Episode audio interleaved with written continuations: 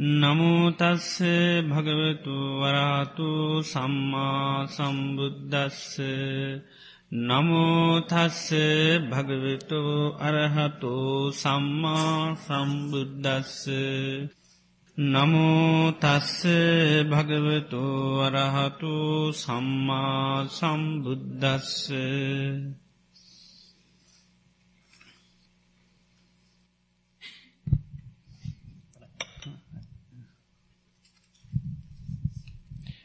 අවසරයි ස්වාමින් වහන්සේ ලැබී තියෙන පළවෙනි ලිඛිත ප්‍රශ්නය ස්වාමින් වහන්සේ දස සංයෝජන සරලව විස්තර කරන මෙන් ඉල්ලා සිටිමි. ඒවා මාර්ගඵලයන් අනුව ප්‍රහාණය වන ආකාරයත් විස්තර කරන මෙන් ඉල්ලා සිටිමි. බුද්ධ ආදී අටතැන්හි ඇති සැකය විශේෂයෙන් පැහැදිලි කරන මෙන් ඉල්ලා සිටිමි.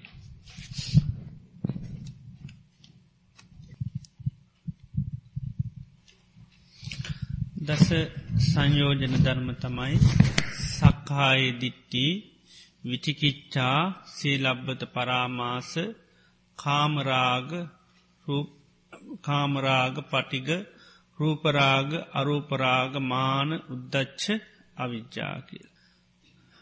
මේ දස සංයෝජනයන් කොටස් දෙක්කට බෙදනවා. එක කොටසකට කියනවා ඕරම්භාගිය සංයෝජන කියලා. මුල් පහට එතමයි සක්කාය දිට්ටි විචිකිච්චා සීලබ්බත පරාමාස කාමරාග පටික කියන පහට කියනවා ඕරම්භාගිය සංයෝජන කියලා. ඉත්‍රි පහට කියනවා උද්දම්භාගිය සංයෝජන කියලා. ඕරම්භාගිය කියලා කියලා කියන්නේ මේ කාමලෝකයේ බැඳ තබලතින කේස්වලට ඕරම්භාගිය. අර පහෙන් නිතරම කාමලෝකයේ මනුෂ්‍යාව බැඳරතිනවා. ඉළඟට ඉතිරි පහට උද්දම්භාගය සංයෝජන කියන්නේ කාමලෝකෙන් එහා අරු මේ බ්‍රහ්මලෝකවල සත්‍යාව බැඳල තබලතින පහට කියනවා උද්දම්භාග්‍ය සංයෝජන රූපරාග අරූපරාග මාන උද්දච්චා විද්‍යාකින පහ. ඒවා තුළින් අනාගාමි බ්‍රහ්මලෝක වල උපත සකස් කරලා දෙන්නේ එනැත්තන් ඒ ලෝකවල සත්‍යාව බැඳර තියෙන මෙන්න මේ උද්දම්භාගිය සංයෝජනවලින්. එතකොට සක්කාය දිට්ටිය කියල කියන්නේ මේ පංචුපාදාන ස්කන්දය කෙරෙහි තියෙන ආත්ම දෘෂ්ටිය කැන ස්තීර නොහ නොනසෙන දෙයක් තියෙනවා කියන හැඟීම එක තමයි සක්කාදිට්ටී කියල කියන්නේ. විසි ආකාරෝ තියෙනවා රූපේට හතරයි ඒ විදිහට සතරාකාරව මේ එකකට හතරකාකා විදිහට විසි ආකාරයකට සක්කාදිිෂ්ටි විස්ත්‍ර කරනවා රූපං අත්තතු සමනු පස්සතිමේ රූපය ආත්මයක් හැටියට දකිනවා. රූපේ තුළ ස්තීර වූ නොනැසෙන දෙයක් තියෙනවා කියලා රූපේ දිහා බලනොය විදි රූපන් අත්තතු සමනු පස්සති කැන එකයි රූපවන්තංවා අත්තානං. එම නැත්තම් රූපයෙන් තමයි ස්තීර වූ පැවැත්මක් හැදිල තියෙන්නේ. රූපවන්තංවා. අත්තනීවා රූපන් තමා කිර දෙයක් තුර තමයි මේ රූපේ තිීන් රූපස්මින්වා අත්තානගෙම නැත්තං ආත්මය තුළ තමයි රූපේ තියෙන්නේ කියල මේ විවිධ විදිහට එක හතරාකාරුව මේ රූපයේ සම්බන්ධව දෘෂ්ටිගත වෙනවා. ඒකට තමයි සක්කාය දිට්ටිය කියල කියන්නේ වගේ වේදනාවත් සංඥා සංකාර විඤ්ඥාන කියන පංචපාදානස්කන්දය පිළිබඳවම තියෙන්. විචිකිච්ඡාව කියල කියන්නේ සැකේ. අහෝ සින්නකෝ අතීතමත් දනමං අතීතයේ හිටියද කියල සමහරයට සැකහිතෙනවා. අතීතයේ කවුරු වෙලා හිටියද කොහොමද හිටිය කියල සමල්ලාට සැකහිතෙන්ට පුළුවන්. ඊළඟට අනාගතය උපදීද නැද්ද කවරෙක් වෙලා කොහොම උපදීද කියලත් සමල්ලාට සැකහිතෙනවා දෘෂ්ටිගත වෙනවා. ඊළඟට වර්තමාන ජීවිතය ගැන මේ විචිකිච්චාවන් තියෙනවා. මේ මම කියල කෙනෙක් ඉන්නවාද නැද්ද ඊළඟට කොහේදල දාවේ ඒ විදිහට විවිධ විදියේ සැක සංකා දෘෂ්ටි ඇති වෙනවා. එතුවට මේ විචිකිච්චාව මේ සංසාරයේ බැඳල තියෙන සංයෝජනයන්ගෙන් එකක්. ඊළඟට සීලබ්බත පරාමාසය කියල කියන්නේ මේ නිවන් දකින්න එම නැත්තන් දුක් නැති කරන්න වැරදි පිළිවෙත් පිළිපැදීම තමයි සීලබ්බත පරාමාස කල කියන්නේ ඒ කාලේ බුදුරජාණන් වහන්සේ කාලෙ ගොඩා කය දුක නැති කරන්න ඕනි දුකින් දුක් විඳලා දුක් නැති කරන්න ඕනි කියලා කයට විවිධාකාර දුක් පීඩා දෙනවා. සමහරා හිතනවා මේ අතීත කර්ම නිසා තමයි දුක්විඳින්නේ නිසා අතීත කර්ම තපස් කරලා ඒවා ගෙවලදාන්නුවන්. ඒ නිසා වර්තමානය කර්ම නොවන විදිහට ජීවත්තෙන්ඩෝ. ඒ නිසා සමහරු කල්පනා කරා සමහර සත්තු ඉන්නවා පව්වෙන්න ඇති විදිහට. ඒ නිසා හරක් වගේ ජීවත්වෙනවා. බල්ලො වගේ ජීවත්වෙනවා. ඒවට තමයි ගෝවුත අජවුත කියල කියන්න. ඉතිං ඒ විදිහට කටයුතු කරනවා මොක දර පෙර කරන ලද කර්ම ගෙවල දානවා මේ විදි දුෂ්කර ජීවිතයකින් ඊළඟට අලුත් කර්ම නොවෙන විදිහට කලයුතු කරන ඒකට හිතනවා කම්මක්කයා දුක්හක්කයෝ කර්මේශය වුණු දුක්ෂය වෙනවා කියලා එහෙම මතයක ඉඳගෙන මේ කටයුතු කරා. ඉතේ වගේ නිවන් දකින්න වැරදි පිළිවෙත් මේ අරන්න මේ සිද්ධ කිරීම තමයි සීලබ්බත පරාමාසය කියල කියලා කියන්නේ. ඊළඟට කාමරාගය කියල කියන්නේ පංචකාමයට තියෙන කැමැත්ත. රූප සද්ධ කන්ද රශ ස්පර්ශ කියන මේ පංචකාමයට හිතේ තියෙන කැමැත්තට තමයි කාමරාගය කියල කියන්නේ. පටිගේ කියන්නේ ඒ රූප සද්ධ ගන්ධ රස ස්පර්ස අකමැති දේවල් තමාට සම්මුඛ වෙනකොට ඒවා පිළිබඳුව තින හිතේ ගැටුමට තමයි අන්න පටිගේ කියල කියන්න.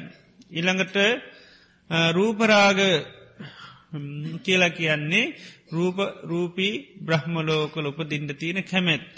රූපාවචර දෙහාන දියුණු කරලා ඒ බ්‍රහ්මලෝකොල උපදින්න කැමැත්තත්තින ඒකට කෙන රූපරාගී කියලා. අරූප රාගය කියල කියන්නේ අරූපී බ්‍රහ්මලෝකොල අරූපාවචර ජාන දියුණු කරලා ඒවා තුළ උපදින්න තියෙන කැමැත්තට කෙන අරූපරාග. ඊළඟට මාන්නේ කියල කියන්නේ තමා උසස්සෝ පහත්කොට සලකන ඒ මාන්නේ. ඉත්‍ර මාන්‍යත් මේ සංසාරය බැඳරදාන එකක් ඒක ත්‍රහත් වනකොට තමයි නැතිවෙන් මාන්නේ. ඊළඟට උද්දශ්චය කියල කැන හිතේ තියෙන නොසන්සුම් භාවය හිතේ සංසිඳීම අඩුගතිය හිත විසිරෙන ගතියට කියනවා මේ උද්දච්චය කියලා. ඊළඟට අවිද්‍යාව කියල කැනෙ චතුරාර් සත්‍යය පිළිබඳව අවබෝධය නැතිකම. එතවට මේ දස සංයෝජනයන්ගෙන් සෝතාපන්න වෙනකොට තුනක් නැති වෙනවා. ඒ තමයි සක්කායිදිට්ටි විචිකිච්චා සේලබ්බත පරාමාස. මෙන්න මේ සංයෝජන තුන්න සෝතාපන්න වෙනකොට කෙනෙකුගෙන් නැතිවෙනවා. ඊළඟට සකදාගාමයනකොට කාමරාග පටික තුනී වෙනවා. ඊළඟට අනාගාමි වෙනකොට කාමරාග පටික සම්පූර්ණම නැතිවෙලා යනවා. ඊට පස්ස ඉතුරු වෙන්නේ රූපරාග අරූපරාගමාන උද්දච්ච විද්‍යා. මේ පහම නැති වෙන්නේ රහත් වෙනකොට. ඒ පහෙත් අර අපායගාමී ස්වභාවයන් සෝතාපන්න වෙනකොටම නැති වෙලා යනවා. අපායගාමි ස්වභාවයන් සෝතාපන්න වෙනකොටම නැතිවෙලා යනවා කෙලෙස්වල මේ නමුත් පරිපූර්ණ සම්පූර්ණම මේ මාන්‍ය උද්දච්ඡාත් අවිද්‍යා කෙනෙවා නැතිවෙන්නේ රහත් වෙනකොට. රහත් වෙනකොට සම්පූර්ණම සංයෝජන ධර්මයන් නැති කල්ලා දානුව. තොට සංසාරයේ බැඳ තබන මේ බැමි ඔක්කොම රහත්වෙනකොට තමයි ලිහෙන්නේ. එතොට හතරකි පහකින් නිතරම කාම භවය බැඳල තියෙනවා අනිත් පහෙන් තමයි උද්දම්භාගය කියල කියන්නේ අරු බ්‍රහ්මලෝකවල බැඳරදාන විශේෂයෙන් අනාගාමි බ්‍රහ්මලෝකවල. ඉතිං මාර්ග සෝතාපත්තියාදී අවස්ථාවලදී මේ එක එක බැමි ලිහාගන්නවා. රහත්වනකොට තමයි සියලූම සංසාරයේ බැඳ දමන මේ කෙලෙස් බන්ධනයන්ගෙන් සම්පූර්ණම නිදහස් වෙන්නේ.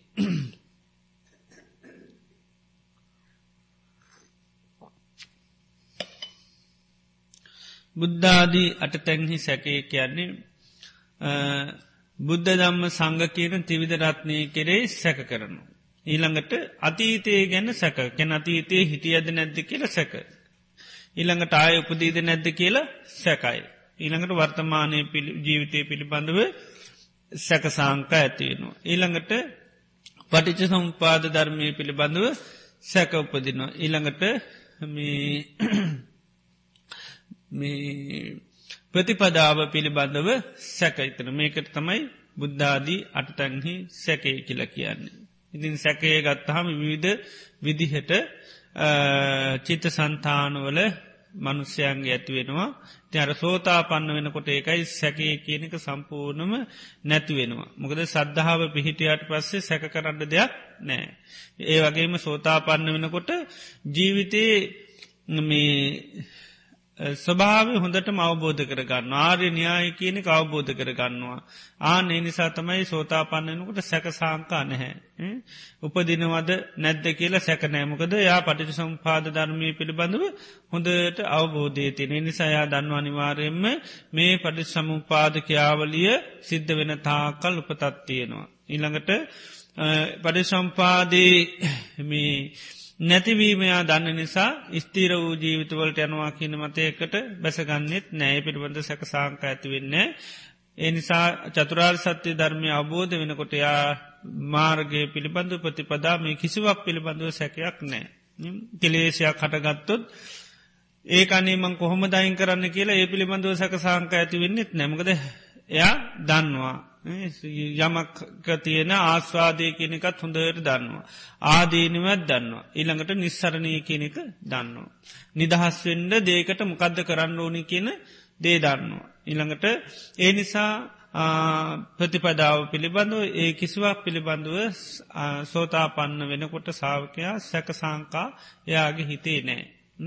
යම කටගන්නකොට මෙයා දන්න එකට මොකක්ද කරන්න ඕනි කියලා ඒකයි. එනිසා තමා ඉදිරියට යායුතු මාර්ගය පිළිබඳව කිසි සැකසාංකා මුකුත් නෑ. මකද යාර්යෂ්ඨාං මාර්ගයට වැටිච්චි කෙනෙක් නිසා සම්මාධිට්ටියට තියෙනවා. ඉතින් සම්මාධිට්ටි තියෙන කෙනාට ආන හැම දෙයක්ම මනාකොට අවබෝධයෙන් එයාට කරගෙනයාමි හැකියාව තියෙනු. ඊළඟ ලිකිත ප්‍රශ්නය අවසරයි ස්වාමින් වහන්ස මගේ සද්ධාවේ අඩුවක් ඇති බවක් හැඟේ. මම ත්‍රිවිධරත්නයේ කෙරෙහි මහත් ගෞරවයක් දක්වමි. ඒත් නොදැනුවත්වම හිටි හැටියේ බුදුරජාණන් වහන්සේ කෙරෙහිත් වෙනත් ගෞරව කළ යුතු අය කෙරෙහිත් නපුරු සිතුවිලි පහළ වේ. මේවා හිටි හැටියේම එන අතර කොහෙන් එන්නේදයි නොදනිමි. මට මේවා වළක්වා ගැනීමට අවශ්‍යයි. උපදේශයක් පතමි.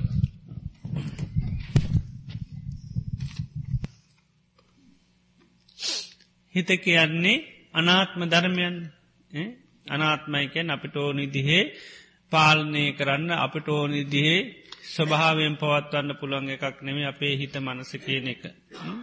එනිසා අපි සාමාන්‍යෙන් මගේ හිත කියන හැඟීම තිබුණට අපි සාමාන්‍යින් අවබෝධ කරගන්න ඕනි හිත කියන්න නිතරම හේතු නිසා හටගන්න දෙයක්. හේතු නිසා හටගන්න දෙයක්. ඒ නිසා මේ අභ්‍යහන්ත්‍රික විවිධාකාර සිත අපේ ආශ්‍රව ධර්ම කෙලෙස් ගති තියෙනවා. ඉති ඒවා තියෙන හින්දා වරින්වර විවිධාකාර සිතිවිලි පැනනැගෙන්ඩ පුළුවන්. ඉති ඒවා පැනනැගුණ හම සමහරලාට අපේවට යට වෙන අවස්ථා තියෙනවා. යට වෙන අවස්ථා තියෙනවා. එනිසා මේ මනස පිළිබඳව සම්පූර්ණම හිත පිළිබඳව අපි මේක මේ මේ හේතු පලදහමට අයිති දෙයක් හැටිට දකිින් ඕනි. හේතු පලදහමකට අයිති දේට ඕන දෙයක් වෙන්න පුළුවන් වරින් වර විවිධාකාර සිතිවිලි ඇතිවෙන්න පුළුවන්. බුදුරජාන් වහන්සේ කිර අපි ගෞර හිටියට යම් වෙලාවල්දී සැකසාංකා එන්න පුළුවන්. ඊළඟට මේ අපහැදිච්චිවේවත් සමාරලාට වෙන්න පුළුවන්මකද සමාර දේවා බලන්නකට අපිට පේනවා එක අසාධාරණයක් වගේ සමරලාට පේන්ඩ පුළුවන්. සමාර කියමන් දිහා බැලුහම නේද. සමහරව කියෙන කාන්තාවට බුදු බව පතන්නව. බුදු වෙන්නෑකි නතවට අසාධාරණයක් ගැයි අපිට බැරි නේද. කාන්තාව සක්විතු වෙන්න. ඊළඟට සක්්‍ර වෙන්න නේතන්ටාන විද්්‍යතිගෙන එක වෙන්නේ නෑගෙන තොට එක පාටිත නැයි බැරි නේද. අපිට මොකද බැරි වෙන්නේ. හිට ඒ වගේ අට සමහර වෙලාට ඒ වගේ දේවල්ලොල්දී හිතට එක පාට්ටම අගෞරයක් වගේ එන්නත් පුළුවන්. ඉති අපි සාමාන්‍යින් පොදුවේ මේ මනස කියන එක හේතුන් නිසා නිතරම හටගන්න එකක් හැටිට දකිින් ඕනි හේතු පල දහමට අයිතිය එකක් ඒ නිසා අපිට ඕනි දී පාලනය කරන්න බැහැ. සමහර දේවල් අපේ අභ්‍යන්තිරිකව හිතේ තියෙන දේවල්තින ඔවත් එක්ක විවිධාකාර මේ සැකසාංකා ගෞරු ඇතිවෙන්න සිතිවිඩියෙන්ට පුළුවන්. ඉතින් ඒවැඇදී මේ හිත අන්න අපිට පාලනය කරන්න බැරි දෙයක් හැටිට දගන්නඩෝ අනාත්ම ධර්මකතේ ඒකට ඕනු විදිහ දේවල් එන්න පුළුවන්. ඒ එන සිතිවිලි අපින් නොපිළිගනේවා අන්න මේ ඒක තිය නාදීනුව මෙනෙහි කරලා මේ ඒක බැහැර කරලා දාන්න ඕනති ඒ පිළිබඳව තැවෙන්න පසු තැවෙන්න කම්පාවෙන්න යන්න දෙයක් නැහැ. සාමාන්‍යින් හිතක ස්වභාවය තමයි අපි හිතන් නැති සිතිවිල්ලක්කාවත් අපි ඒකට ඊට පස්සේ යට වෙන ඇයිමට එහෙම එකක්කාවක ඊට පස ඒක ගැන හිතනවා. එහෙම වෙන්ඩු විදියන්න ෑන. එහෙම සිතුවිල්ල මට එන්ඩු දියන්න ෑන මං එහෙම කෙනෙක් නෙවේනි මං මේ බුදුරයන් වන් සරණ ගිය කෙනෙක්නෙ. නේද. ඒවගේ අසාමාන්‍ය සිතුවිල්ලක්කවත් අපි ඒකට නිකං බයවෙලා යට වෙන ගතියත් තියෙනවා. ඉතින් අපි දකිින් ඩෝනි මේ හිතට ඕනම වෙලාක විවිධ සිතිවිලියෙන්න්න පුළුවන්. ඉතින් ඒ අපිට ආපු වෙලාවක අතැහැල්ල දාන්න තියෙන්නේ අපිට වෙන්න අර ආපසිතිවිල්ල අපි බොහොම භාරසාරුව පිළිගන්න. ආනකයි මට එහෙමකක් උනේ කියලා. ඉතින් ඒ ඊට පස්සෙමකද වෙන්නේ.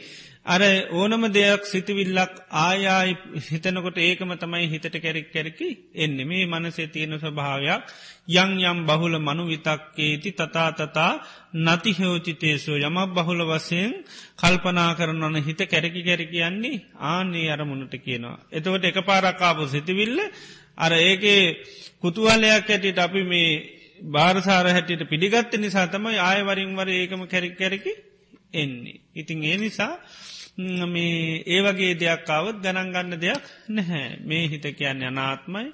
හේතු නිසා හට ගන්න දෙයක්. ඇති මේකට විවිධාකාර දේවල් හටගන්නවා. ඉතිං අපි ඒ සිතිවිඩි භාරනුගණ්ඩෝනි මේක මේ අනාත්ම ධර්මයන් නිසා මට අයිති එකක් නොවේ කියලා බැහැර කරලා දාන්න ඕනේ. මේ ඒකට කලබල වෙන්න මේ පසු තැවෙන්න කම්පාවෙන්න දෙයක් නැහැ. ඒකයි. ඊළඟට මේ දිවිදරත්නය කෙරෙයි බුදුරජාන් වහන්සේ කරේ ධර්මරත්නය සංගරත්නය කරේ සද්ධාව ඇතිවෙන්න බුදුගුණ දහම්ගුණ සඟගුණ නිතරම පුරුදු කරන්න ඕනි. මං අරයේ මේ අපේ පසාදය පිණිස ඇතිකරගතයුතු කරුණු හතරක් පෙන්වි දැම් බනක් එහෙම ඇහුවට පස්සේ අපි නිතරම පුළුවන් ඒක පුරුදු කරන්න.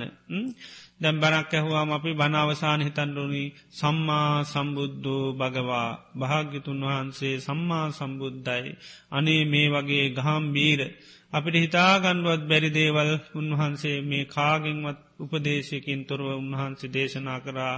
අනේ උන්වහන්සේ කාන්තෙම සම්මා සම්බුද්ධයි. මේ වගේ වටිනා ජීවිත සම්බන්ධ කරුණු මේ ධර්මය තුළ තියෙනවා. ඒ නිසා මේ ධර්මය කාන්තෙම ශාකාත ධර්මයක්. මේ විදිේ වටනා ධර්මයක් දැකල තමයි මේ සංඝයා මෙහෙම නැත්තන් තතාගත සාාවකෝ මේ ශාසනය කරාගේ එහනම් උන්වහන්සේලාගේ ගමන හරි ගමනක් සුපටිපන්නෝ භගවතු සාාවක සංගෝ. ඒ විදිහට අපිට පුළුවන් බනක් අහල අවසානයේදී අන්න තිවිදරත්නයකරේ ගෞරු ඇති කරගන්න. වරින් වරත් නිරන්තරයම පුළුවන්. ජීවිතයට දුගක් කරදරයක් ආපිලාවෙත් තුරුණුවම් පිළිබඳව ගෞරය උපදවාගන ඒ දුක පීඩාව අවම කරගන්නත් පුළුවන්. සීවලී ස්වාමීන් වහන්සේගේ අම්ම ගැන හල ඇති අවුරුදු හතයි මාසාතයි දවස් හතක් දරුවා මෞකසේතියාගෙන අසීමිත ලෙස දුක්වින්දා. සාමාන්‍යයෙන් අද කාලෙ මුණොත්හෙම නේද යන්ඩ දේවාලම දීනවා. නේද පිරිසරණ හොයාගෙන නේද? දැන් බලන්න.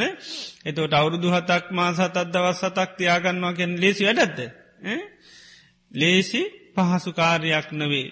ඉතිං එතුමිය ඒ වගේ ඉතාමත්ම බරපතල වේදනා විදිනකොට ඒ වේදනාව අවම කරලා තින්නේ තුරුණුවන්ගේ ගුණ සිහි කරලා. එය හිතනවා සුසුකංවත නිබ්භානං අනී නිවන මහා සැපයක්. ඒ නිර්වාණයට පත් වනා නම් මේ වගේ දුකක් නෑ. මේ සංසාරය යනතා කල් මෙමුදු දුක් විඳ විඳ තමයි අන්ඩ තියෙන්නේ ඒ නිසා නිවන් දැකීමම තමයි හරි සුසුකංවත නිබ්බානන්. සම්මා සම්බුද්ධූ භගවා භාගිතුන් වහන්සේ සම්මා සම්බුද්ධයි උන්වහන්සේ මේ ස්වභාවයන් හඳුරාගන උන්වහන්සේ තරුණා අපිට එතර වෙන්න මාර්ගය කියල දුන්නා මේ ජීවිතේ මේ ස්වභාවයන් උන්වහන්සේ අවබෝධ කරගෙන දේශනා කරේ නිසා උන්වහන්ස සම්මා සම්බුද්ධයි. ඒ ධර්මය මේ වගේ දුකින් දහස්වෙන්ඩ මග කියනවා. ඒ ධර්මේ මේ වගේ දුත්තියනවා කියලා කියන උපදිචි ජීවිතයට උරුම දේවල් කියල එනන්ගේ ධර්මය ස්වාකාතයි ස්වාකාතෝ භගවතා දම්මෝ. මේ වගේ දුකත්තියෙනවා මේ දුකින් නිදහස් වෙන්න තමයි තතාගත සාාවකයෝ ශාසනයට ගේන උන්හන්සේලාගේ ගමන අන්න හරි ගමනක නිසා සුපටි පන්නූ භගවතු සාාවක සංගූ. මේ විදියට අර තමන්ගේ දුක්වේදනාව අවම කරගන්නේ යටපත් කරගන්නේ තුරුණුවන්ගේ ගුණ සිහි කරලා. ඉතිං ඒ විදිහට අපිට පුළුවන් නිරන්තරේම මේ කරුණුතුන නිතරම සිහිකර කර හිතේ තිවිදරත්නය කෙරෙහි ගෞරුව ඇති කරගන්න. එතොට ගරු කටයුතු පුද්ගලයන්ට නිතරම ගරු කරන්න පුළුවන් මොකද අර ගුණ දකින්න දකින්න මොකද වෙන්නේ අගුණ අපිට පේනෙ නැහැ ගුණ තමයි පෙහෙන්නේ. ඒ නිසා බුදුරජාණන් වහන්සේ සම්බන්ධව මේ විදියට කල්පනාකරොත් උන්වහන්සේගේ ගුණේ තමයි නිතරම අපිට මතක් වෙන්නේ තොට අගුණ මතක් වෙන්නේ නෑ. අවසරයි ස්වාමීන් වහන්ස අට්ටික සංඥාවත් වැඩිදුර ප්‍රගුණ කිරීමට අදාළ සූත්‍ර හෝ පොත්පත් සඳහන් කළ හැකිද. මේ පිළිබඳව කලින් පිළියෙල කළ DVD හෝ CD තිබේද. අට්ටික සංඥාව ගොඩාක් විස්තර වසයෙන් කොහෙවත් නෑ අට්ටික සංඥා වඩන්න තියෙනවා කියන එක තමයි බුද්ධ දේශනාව තියන්නේ. සතිපට්ටාන සූත්‍රයේ තියෙනවා. තව පටම සමාධි සූත්‍රයේ. ඒ වගේ ගොඩත් මේ පටම සමාධිනවේ මේ ජන නෑ මේ සංකාරප්පදාන කියල මංගෙද කිවේ අන්න ඒක තියෙනවා අට්ටික සංඥාව ගැන.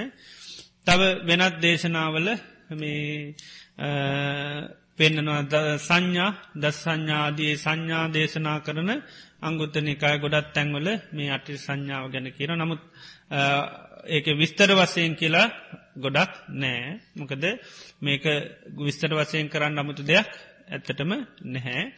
සංඥාව කියලා කියන්නේ අපි ගත්තහම මේ අපේ මනසට ගන්න හඳුනා ගැනීමක්. එතොට තමන් අපේ කය පිළිබඳුව අන්න අපි මේක ඇට සැකිල්ලක් හැටිට හඳුනාගෙන ඒ තුළ සිහ පිටවා ගන්න සමාධි භාවනාවක් වසිමුත් වඩන්න පුළන් ඒ වගේම ඒක පටිකූල මනසිකාරය වසයෙන් පිළිකුල් භාවනාවට හරවල කරන්න පුළුවන්.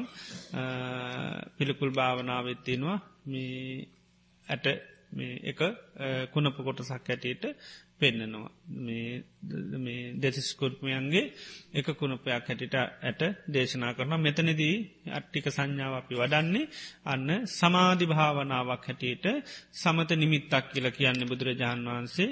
එතොට ඒ සමත නිමිත්තක් හැටියට අර අපේ හිතට පහස්වයෙන්ම හිත පිහිටවා ගන්න පුළුවන් අරමුණක් මේ අට්ටික සංඥාව. ඒ තුළ හිත සමාධිගත කරගන්න පුළුවන්. ඊළඟට දැන් බාහිරව ඇට සැකිල්ල අධ්‍යහා බලලා හොඳට බාහිර නිමිත්ත ගත්තොත් අපිට අට්ටික සංඥා වඩන්ට එකක් පහසුයි.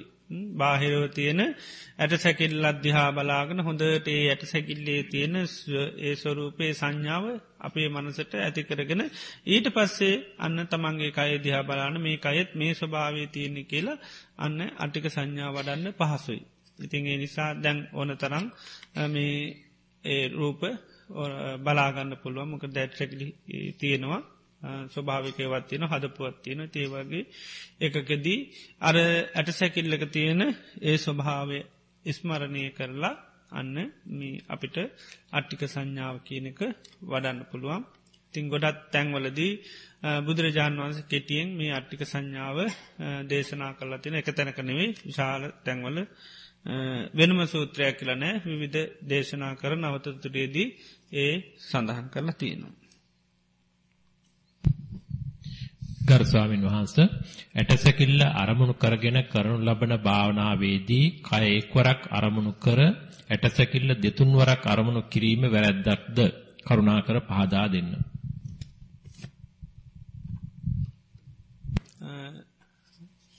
මේ දැ මේකයේ ඇට සැකිල්ලක් කියල් අපි භාවනා කරන. තෝට තැන් ඇට සැකිල්ලත් තියෙන්නේ කිල්ල සංඥා වැඩුවත් ඒක ගැටලුවක් නෑ. නමුත් සාමාන්‍යින් මේ අසු භාවනාවේදිත් අර බුදුරන් වන්ස පෙන්න්න නත්ති මස්මින් කායේ කේ සාමයකයේ කෙස් තියෙන්නේ.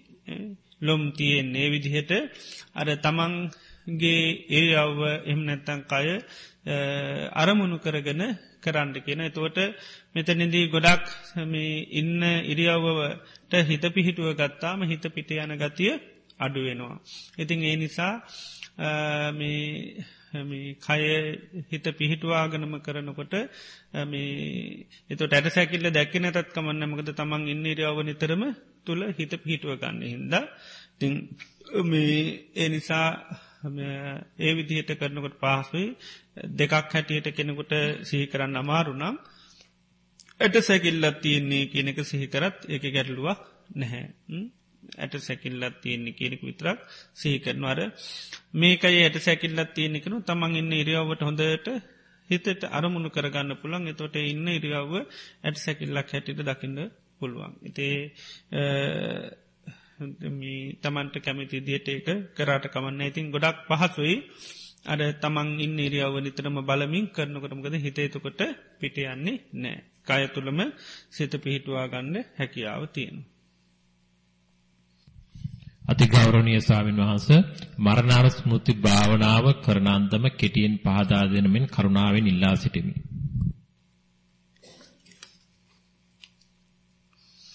සාමාන්‍යයෙන් මේ මරණය මේ බුදුරජාණන් වහන්සේ නිතර සිහිකර යුතු කාරණයක් හැට දේශනා කරන මරණ දම්මෝමි මරණම්මානතීතුෝති අබින්නම් පච්චවයකි තබ්බං ඉත්‍යාවා පුරුෂේනවා ගහට්ටේනවා පබ්බජිතේනවා. ස්ත්‍රී පුරිෂ ගිහි පැවිදි හැමෝම නිතරම මරණයට පත්වෙනවා මරණ ඉක්මවානය කියල මෙන්න මේ කාරණය නිතරම සිහි කරන්න කියන. එතට ගොඩාක් නැතු මේ කොටස විතරක් කරත් ඇති. එතොට අර්ථය තමයි තමන් හොඳටම සිහි කරගණ්ඩෝන මේ ජීවිතය කියන්නේ කොයිවෙලේ හරි මරණයට පත්වන එකක්. මේ ජීවිතේ තියෙන හැම කොටසක්ම මැල්ලන මේ ඇස් දෙක කන් දෙක නාසේ දිව සරේරේ මනස මේ හැම දෙයක්ම මරණයට පත්වෙනවා මරණය ඉක්මවානෑ. ඉති ඒ මනසිකාරයත් එක්ක හොඳට අර්ථය අවබෝධ කරගන්නුවන ජීවිතය කියන්නේ කොයි මොහොතේ හරි මරණය කරායන එකක් නොමැරෙන එකක් නොවේ මරණය ඉක්මවා ගිය දෙයකුත් නෙවේ. ඒවිදියට කෙටියෙන් නිතරම මරණය පිළිබඳව මරණානුස්මතිය වඩන්න පුළුවන්. එහම නැතිනම් බුදුරජාණන් වහන්සේ පෙන්න්නනවා දවසේ වරින්වර වරින්වර මරණානුස්මති වඩන්න පුළුවන් දැ උදේ නැගිට්ටගමම සිහි කරන්න පුළුවන් අද දවසේදී මට මරණයට හේතු භූත වෙන ගොඩා දෙවල් සම්මුක වෙන්න පුළුව ම කණබොන ආහාරපාන දිරවගන්න බැරුව මං මැරෙන්න්න පුළුවන් පය හැපිල වෙටලා මැරෙන්න්න පුළුවන්. සතාසර්පයා දෂ්ට කල්ලා මැරෙන්ඩ පුළුවන්. ඊළඟට මනු සමනුෂ කරදරවලට මුණ පාල මැරෙන්ඩ පුළුවන් වාත පිට සෙම කියන මේවා කුපිතවීම නිසාමරණයට පත්වෙන්න පුළුවන්. ඒළඟට විවිධාකාර බාහිරවාද කාලෙගත්තු නොයෙ කුපද්‍රෝතින මේව නිසා මරණයට පත්වෙන්න පුළුවන්. එතොට මේ අද දවසේදීම මැරෙන්න්න පුළුවන් මගේ හිත කොහොමද තියෙන්නේ කියල බලන්න කියනවා. අද මම මැරෙන්ඩ සුදුස්සෙද්ද නුසුසුද්දෙස. හොඳ මරණයක් වේවිද නරක මරණයක් වේද කියල තමන්ගේ හිතදිය හොඳට විමසල බලන්න. එතොට පේනවා අද දවසතුර මැරුණොත්තහෙම හිතේ මේ මේ මේ කෙලෙස් ගති තියෙනවා මේ මේ අඩු පාඩුකන් තියෙනවා ආන එතකොටේ වහඳුගනාගෙන තොට මම මේ කෙලෙස් තිබුණත් මැරෙනවා නොතිබුණත් මැරණ ඇත මේවා මේ කෙලෙස් සහගතුව මැරණොත් මට හොඳ මරණයක් වෙන්නේ නැහැ. එතකොට ආනේ කෙලෙස් ප්‍රහාණය කරගන්න පුළුවන් අර විදියට මරණ සතිය වඩලා.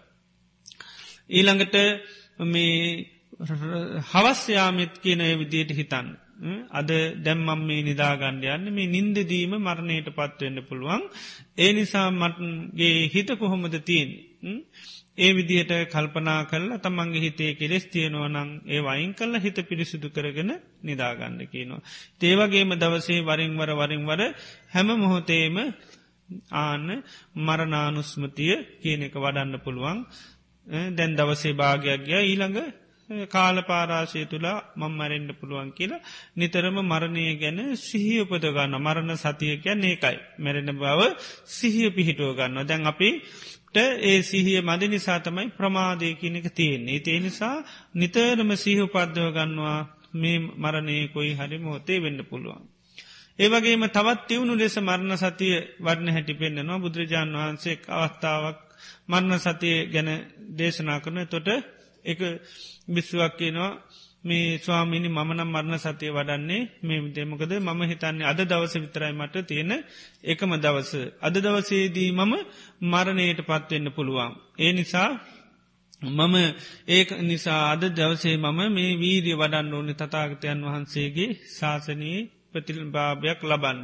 තොර සාමන්නාන්ස නමක්ව මම හිතන්නේ දවස් භාගයක් ජීවත්තේ දවසේ භාගත්තමයි ජීවත්තේ නේට හනන් ජීවත්වෙන නැතුවේ නිසාමම අන්න පිළිවෙත් පුරන්න වුන් තව ස්වාමන්නාන්ස නමක්ව මනම් පින්ඩ පාතක හිල්ලා ජීවත්ත ඕ එනකං විශ්වාස කරන්න මකද අතර තුළ මරණයට පත්වෙන්න්න පුළන් ඉතින් මට ගොඩාද්දේ මේ ශාසනය කරන්න තියෙනවා. ඒ නිසා නිතරම සිහියෙන් ඉන්න ඒවා කරගන්න. ඒවගෙන් තව ස්වාමන් වහන්සනමක්ව මනං හිතන්නේ පින්ඩ පාතේ වලඳනකංවත් ජීවත්වේද දන්නේ නෑ. එහෙම ජීවත්වෙනවනම් ආන්න ගොඩක් වටිනවා මොකද එච්චරවත් ජීවත්තේද කියලා ආන්න විශ්වාස කරන්නෑ කිව්වා. එතෝට තව ස්වාමන් වහන්සනමක් කිව්වා මම කල්පනා කරන්නේ නං පින්ඩ පාත භාගයක් වලනකන් ජීවත්තේ දන්න. එහෙම ජීවත් වනොත් ලොකූ දෙයක්. එහෙම ජීවත්වනොත් ලොකූ දෙයක් මට ගොඩාත් දේ කර ගණඩ තින මේ ශාසනය තුළ තව ස්වාමීන් වන්සන මත්කිව්වා මේ දානේ වල බත් කටක් කරන්න ගිලිනකන් ජීවත්තේ දන්නෑ කියලා හිතනවකිව. බත් කටක් කරන්න ඒක ගිලිනකන් ජීවත්තේ දන්න එහෙම ජීවත්වනොත් ලොකු දෙයක්. එච්චර විශ්වාසයක් නෑ මේ ජීවිතේ ඒ අතුරතුර මැරෙන්ඩ පුළුවන් කිව්වා. තව ස්වාමීන් වහන්සනමක්වවා මමනංස් කල්පනා කරන්න හුස්මෑරං හෙලනකං ජීවත්තේද දන්නනෑ. මකද ගත්ත හුස්ම හිරුණොත් ආන්න මරණයට පත්නේ නිසා ඒ තරං අවිශ්වාසයි ඒ තරං ස්තීර භාවයක් මේ ජීවිතේ නැති බව දකිනවක් වෙතින් බුදුරජාන් වහන්සේ පෙන්වා ඉතාමත්ම තිවුණු ලෙස මරණ සති වරණ දෙන්න තමයි බත්කටා කරන් ගිලින කෙනයි හුස්මැරං හෙලන කෙනයි. ඒ තරං ඒ සාමිනාන්සර සිව් තිවුණු ලෙස වඩනවා. ඉතිං අපිට එක එක්කෙනාට පුළුවන් ඉතින් සාමාන්‍යෙන් දවස මුලින්ම පුරුදු කරන්න පුළන් මම අද දවස පමණයි ජීවත්වෙන්නේ. උදේ නැගිටට පස හිතන්න පුළ අද තමයි මගේ අවසාන දවස්ස. ඉති ඒ නිසා මේ දවස තුල්ල මම මේ අනවසේ දේවල් මගේ ජීවිතය මං කරන්න හොඳ නෑ මකද අන්තිම දවසන ඒ නිසා වැඩිපුර අටදදාය දේවල් තම යද දවස කරන්න ඕනි. තේ විදිහට මරණ සතිය විවිධ විදිහට වඩන්න පුළුවන්. ඉතිං ජීවිතය පිළිබඳව ස්තීර කැනේ කියන අපිට තියෙන එකට කැන මත් ගතියක්. මේක තියයි කියන මත්වීමක් අපේ ජීවිතය පිළිබඳව තියෙන. එකට කැන ජීවිත මදය. ඒකයි බොහෝ කාලයක් පවතීවී කියන අභ්‍යන්තිරක්ව හිතේ මත්ගතියක් තියෙනවා. ඒක තේරෙන්නේ නැහැ. ඒක තේරෙන්නේ නෑ එතනමකද වෙරි වුණහම තේරෙන්නේ නේ වගේ තමයි. මේකින් හිත මත්තු නහම ඒ ස්වභාව අපිට තේරෙන්නේ නැහැ. ඉතිං මරණ සතිය වඩන්න වඩන්නානේ මත්ගතිය ජීවිතයෙන් අයින් වෙලා යනවා. මත්ගතිය අයින් වෙලා යනවා. ඉති ඒ නිසා මරණ සතිය වැඩීම තුළින් අප්‍රමාදය කෙනෙ ඉතාමත්ම බහුල වසයෙන් ඇතිකර ගන්න පුළුවන්. දැන් සාමාන්‍යයෙන් අපිට ජීවිතය ගත්තාම් බොහෝම බාර සාරධයක් හැටිට පේනවා. නමුත් පෙන මන්න සතිය වර්ණ තැන්වල උපමා පෙන්නවා මේ තනාගතියන පිණිබිදක් වගේ කියන විශ්වාසයක් නැහැ. කොයි වෙලේ වැටේද දන්න නෑ මේ ජීවිතයත් එහෙමයි. අපිට ලොකුවට බාරසාර විදියට පෙනුනට චූටි දෙයක් ඇති ජීවිතේ විනාශවල යන්න. පොඩි දෙයකින් පොඩි සතෙක් දෂ්ට කරපුහම සමාට මදුරුව දෂ්ට කරපුවාම අපේ ජීවිතේ ඒකෙන්ම විනාශ වෙන අවස්ථා තියෙන එනිසා නිතරම අන්න මරණා සතිය වටන කෙනා මේක මේ ස්තීර නැති දෙයක් හැටිට නිත්‍රම දකින එනිසා ඒකම බලන්නේ මරණය කෙනෙක කොයි වෙලේද දන්න හිත කොහොමද පවතින්. මේ වගේ හිත් අපිට සිදුව මැරුණොත් එහෙම බොහෝම ලාමක මරණයක් වෙන්නේ. තිය නිසා ඒ විදියට මරණ සතිය අපිට විවිධ විදිහට දියුණු කරන්න පුළන් සාමාන්‍යයෙන් අර පොදුවේ අරගෙන අ මේ ජීවිත ජීවිත මම මරණයට පත්වන කෙනෙක් මරණය ඉක්මෝලනය කියලා ආනේ කාරණය සිහි කරන්න පුළන් ඒකම ඉතිං හිතන්න පුළුවන් විවිධ දේවල් විවිධ මරණය සඳහා බොහෝ දේවල් ජීවිතය තියෙනවා. ඉතිං එනිසා ඒ විවිධ ආබාධවලට විවිධ දේවල්ට ලක් කළමේ ජීවිතය කියන්නේ මරණයට පත්වවෙන්න පුළුවන්. එනිසා මම මගේ මරණය කොයි මොහොතේ සිද්ධවේද දන්න එනිසා පිරිසුදුව ජීවත්තෙන් ඕනි මොකද මරණය කෙන එක වෙන වෙලා අපිට කියන්න කාටුවත් පුළුවන්කමක් නැති නිසා. මේ ප්‍රශ්නයත් මරණානුස්සති භාවනාව පිළිබඳව ගරු ස්වාමීන් වහන්ස අප වීරිය වැඩිම සඳහා මරණානුස්සති මරණානුස්සති භාවනාව වඩන්නේ ජීවිතය අනියතයි මරණය නියතයි වශයෙන්ි. මීට වඩා එය සිතට කාවදින ලෙස වඩන්නේ කෙසේද කියා කරුණාවෙන් කියා දෙනමින් ඉල්ලා සිටිමි. දැන් කියපු විදිහට තමයි කරන්න තියෙන්නේ. නිතරම හිත දිහා බලන්න එතකොට මේක ගොඩාක එකයි මරණානුස්මතියෙන් බලාපොරොත්තු වෙන්නේ මකදද අප්‍රමාදය ඇතිවෙන්න මොකද ප්‍රමාදය කියන එක තියෙනවා. නරම මං ඉස්සල්ලකිවන මත්වීම කියලෙකත්තිනවා ජීවිත මදය කියලතිනවා ඒ ජීවිත මදයත් එක තියෙන්නේ ප්‍රමාදගතියක්. ප්‍රමාදගතියක් තියෙන්නේ. ඉතින් ඒ ප්‍රමාදය සම්පූර්ණම නැතිවෙලායන් වර මරණය කියන එක ගැන සිහිකරපවාම මොකද ජීවිතය ඕනම අවත්තාව ඕන කෙනෙක් මැරෙන්ඩ පුළුවන්. මොකද මේ මරණේ ගැන ජීවිතම් ව්‍යාධි කාලෝච දේහනික්කම නංගතිම අපි ජීවත් වෙන කාලය අහවල් තැන මැරෙන්නේ අපේ මළමිනිය දානය හවල් තැන මේවා කියන්න බෑ කියනවා. මැඩන රෝගේ කියන්න බෑකින වෙලාව කියන්න බෑකින කාලය කියන්න බෑකිනවා. මොනම විවිධාකාර හේතුන්ට ලක්වෙලා මනුෂ්‍යය මරන්න මැරෙන්ඩ පුළමක දේක කාටවත් අනිමිත්ත කියන්නේ ඒකට නිමිත්තක් නෑ. මං අහවල් කාලේ ආවල් රෝගෙන් ආවල් තැන නේද. අහවල් ඇඳේ මැරණවා කියලා එහෙම කියන්න බෑ. ඒ තරමට අස්තීරයි. ඒ නිසා දැම් මේ භාවනා කර බණහන වෙලාහෙම සමල්ලාට හුස්ම යන්න පුළුවන් කාගේ හරි. නේද. ඒ වගේ ස්වභාවයක්ත්තමයි තියෙන්නේ. ඉතිං ඒ වගේ ඒ තරම්ම ස්තීර ස්වභාවයෙන් නැති අස්තීර ගතියත් තමයි ජීවිතයේ තියෙන්නේ. ඉතිං ඒක අර්ථය හොඳට හිතට ඇතිකරගෙන භාවනාවසයෙන් කරන්න ඕනි. එනිසා මේ ජීවිතයේ මරණයට පත්වෙනවා මරණ ඉක්මානෑ කියන මේ සිහිකිරීම හොඳට මැති ඒකත් එක් අර්ථය හොඳට ගන්නුව ජීවිතය කැන කොයි මොහොතේ හරි මරණයට පත්වෙනවා මේක නොමැරණය කන්නවේ මේක අපිට ලබන්න බැරි අලබ්බනීය ටාන ලබන්න බැරි කාරණයක් ඉතින් ඒ විදියට අර්ථය හොඳ ටිස්මතු කරගෙන මරණ සතිය කියන එක වඩන්න පුළුවන්. ඉතින් අර්ථය තමයි හැම භාවනාවකින්ම අර වචනය විතරන්නිකං කියක ඉඳලා බැහැ. අර්ථය හොඳට දකිින් ඕෝනි. අර්ථය ඉස්මතු කරගන්න කරගන්න තමයි ඒ පිළිබඳව අපිටන්න මේ අවබෝධය කලකිරීම වැටහීම ඔක්කොම ඇතිවෙන්නේ. නිතරම සෑමක දෙයක් කරන්නකට හොඳට අර්ථය කියනක උළුප්පල ගන්න අර්ථය මතු කරලා ගණ්ඩෝන ඒකයි. මරණයට පත්වෙනවා මරණ ඉක්මානෑ කියනකට හොඳ ටර්තමේ ජීවිතය කියන්නේ කොයි මුහොත්තේ හරි මරණයට පත්වන මේක මැරල යන එකක්. මේක ඉක්මවා ගියපිය කන්නේ මේක ඉක්මුවන්න පුළංකක් නෙවේ. තේනිසා අර්ථය හොඳට ඉස්මතු කරගෙන හොඳට මේ භාවනා මනසිකාරයන් පවත්වනකොට තමන්ට කාලයක් යැනකොට අර මරණය පිළිබඳ හොඳට සිහිය කියනක පිහිටනවා. ඒකයි. සිහි කරන්න කරන්න තමයි සිහිය කියනක පීටන් ඉති මරණය ගැන නිතර සිහි කරන අනයා අන තමන් ඒ පිළිබඳ හොඳට සිහියත්තින. තෝට යම් වෙලාවක ජීවිතේ මරණා සන්න වුණොත් ඒ වෙලාවේ කලබල වෙන්නේ කම්පාවෙන්න සැලෙන්නේ යන්න නෑමක දෙයා අන්න අර මරණය පිළිබඳ හොඳ සිහිය අර්ථයන මේක මැරණ එකක්. ඒ නිසා දැන්ගේ සඳන්න අවස්ථාවද එතෝට එයාට මේ අහම්බෙන් වෙච්චි දෙයක් හැටියට මේ එක පාට විච්චි දෙයක් හැටියට එයා දකින්න නැමකද ජීවිත ඕනම වෙලාක මේ දේ වෙන්න පුළුවන් කියන බලාපොරොත්තුවෙන් තමයි හිටිය. ඉති නිසා මේ අර්ථය හොඳ ටිස්මතු කරගෙන අර වගේ දවස අරගෙන පුළුවන්. නැත්තන් නිතරම මේ හිතන්න පුළුවන්. මගේ ජීවිතය තව සුළු මොහොතත් තියෙන්න්න පුළුවන්. ඒ විදියට තිවුණු තිවුණු ලෙස හිත ප්‍රඥා වැඩි දියුණෙනකොට ඉතා සිවුම් ලෙසත් මරණානුස්මතිය වඩන්නට පුළුවන්. ගෞරවනීය ස්වාමීන් වහන්ස අට්ටික භාවනාව කරන අවසාන කාලය තුල ශරීරයේ පාදවල තද වේදනාවක් දැනුනි. ඔළුව පිටිපස තදවීමක් සහ ඊට පසු සුළු වේදනාවක් දැනුනි. මේ අවස්ථාවේදී කල යුතු දේ පහදා දෙනමින් ගෞරවයෙන් ඉල්ලා සිටිමි. තැන් සාමාන්‍යයෙන් හැම භාවනාවක් කරනකොටම ශරීරයේ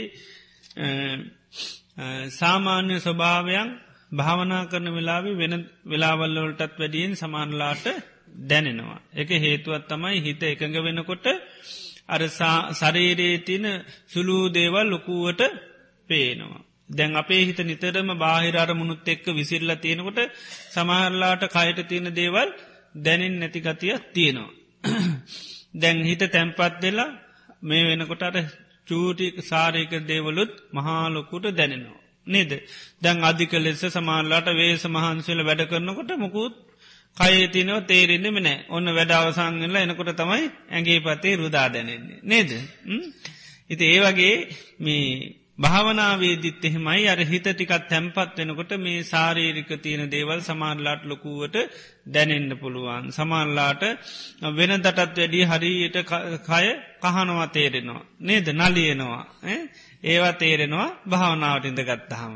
මොක දේ හේතුව තම යට හිත තැන්පත්වෙනකොට අර සාරීරිකෝ තින චූටි දේත් විශාල වසයෙන් පේනවා. ඉතිං අපිට මේ ඕනම භාවනාවක් කරනකොට කායික වේදනාවන් දැනෙනවා. තොට ඒක දරාගන්න පුළුවන් වේදනාවක් නම් දරාගන අරේ ගැන වැඩිය නොතක තමන්ගේ භාවනා මනසිකාරය කරනවා. ගොඩාක් දරණු වේදනාවක් නං ඔන්නම් ඒක අනිත්‍ය වසයෙන් දකින්න පුළ මේ වේදනාව කියන්නේ වෙනස් වෙලා යන එකක්. එම නැත්තම් බලන්න පුළ මේ වේදනාව කුමක් නිසාද හටගත්ති. ඉස්පර්ශය නිසා. ඉස්පර්ශයක යනමගද මේ කයයි සිතයි විඤ්ඥානයකට ඇති තැන. එහන් කයයි මේ පහසයි විඤ්ඥානයකට ඇති තැන. මේ කයත් අනිත්‍යයි පහසත් අනිත්‍යය මේ විඤ්ඥානයත් අනිත්‍යයි. ඒ නිසා හටගත්ත මේ වේදනාවත් අනිත්‍යයයි කියලා වේදනාව වෙනස් වෙන දෙයක් හැටියට දකිනවා. ඒ අර්තය හොඳට දැන් අනිත්‍යය කියනකොට හොඳට අර්ථය මතු කරගන්නඩන වෙනස් වෙන දෙයක්.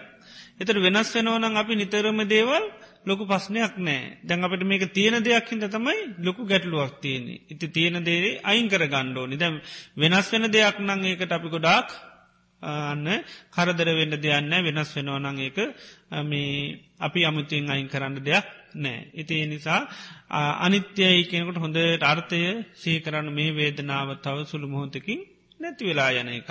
එතෝට පිළිබඳවන්න කරදරයක් වෙන්න දෙයක් නෑකින හැඟීමක් එනවා. ඒ නිසා විවිධ විදිහේ වේදනා එනකොට පුළුවන්තරන් ගණන් නොගන ඉන්ඩෝනි භාවනා කරනකොට විවිධ ස්වභාවයන් දැනෙනවා. ඒ ස්වභාවයන් දිහා බලබලගියොත් කෙරවරක් නැහැ. එනිසා අපිට තියෙන්නේ අපි මූලික අරමුණු කරගන්නේ යම් භාවනා ක්‍රමයක්ද එතෙන්න්න නිතර මනසගේන්න බලන්න. මොකද කයට ඇති වෙන විවිධ දේවල් බලබලඉඳලා කෙරවරක් නෑමකද විවිධාකාර විදිහ දේවල් දැනෙනවා. අපිට තියෙන්නේ මේ භාවනාවේදී අපි ආරම්භ කරන්නේ මොන භාවනාවද ඒ තුළම පුළුවන්තරන් තමන්ගේ මනසගේෙන් ඕනි. දැනෙන දේවල්වලට මනස යවන්නේ නැතුව.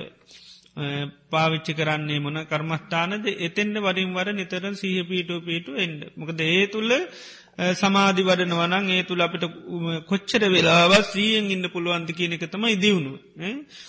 වෙන දැනෙන දේවල් පිටි පස්සේ යෑම නෙවේ සමතයක් වසයෙන් හිත වඩනවානං අට්ටික සංඥාවනං කොච්චර හිත පිටයන්න නැතුව මේ අට්ටික සංඥාවම සිහිකරමින් ඉන්න පුළුවන්ති කියෙන හොඳට බලන්න.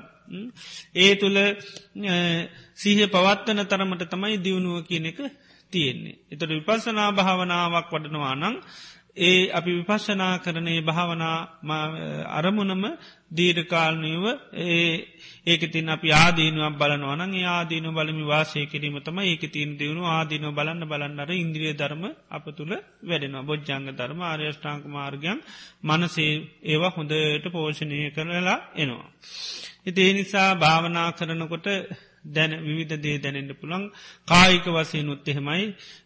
සමන්ලාට අර කය තැම්පත් වෙලා එක තැන තියෙනකොට අර වෙනදට වැඩි සමහන්ලාට දරුණු වේදන ඇත්වෙන්ට පුළොමකද වාතය සමන්ලාට හිරවෙන ඊරවීම තුළ කය දරුණු වේදනාවෙන්ට පුළන් ඉතිං පුළුවන්තරන් ඉවසාදරාගෙනල අමාරුණං හිමීට සිහිය පිහිටවාගෙන ඉරියව් මාර කරන්නයි තියෙන්.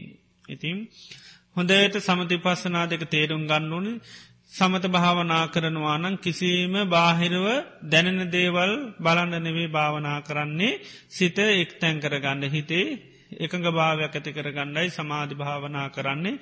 ඒ නිසා මනසට දැනෙන විවිධ දේ ඔස්සේ සිත ඒ තුළ පිහිටාගෙන ඒවා බලන්ඩ කරන එකක් නෙවේ. හොඳට ඒක සිහිය උපදවාගනින් ඩෝනි සමත භාවනාවක් කරනවානං හිතෙක් තැන් කරන්නයි කරන්නේ.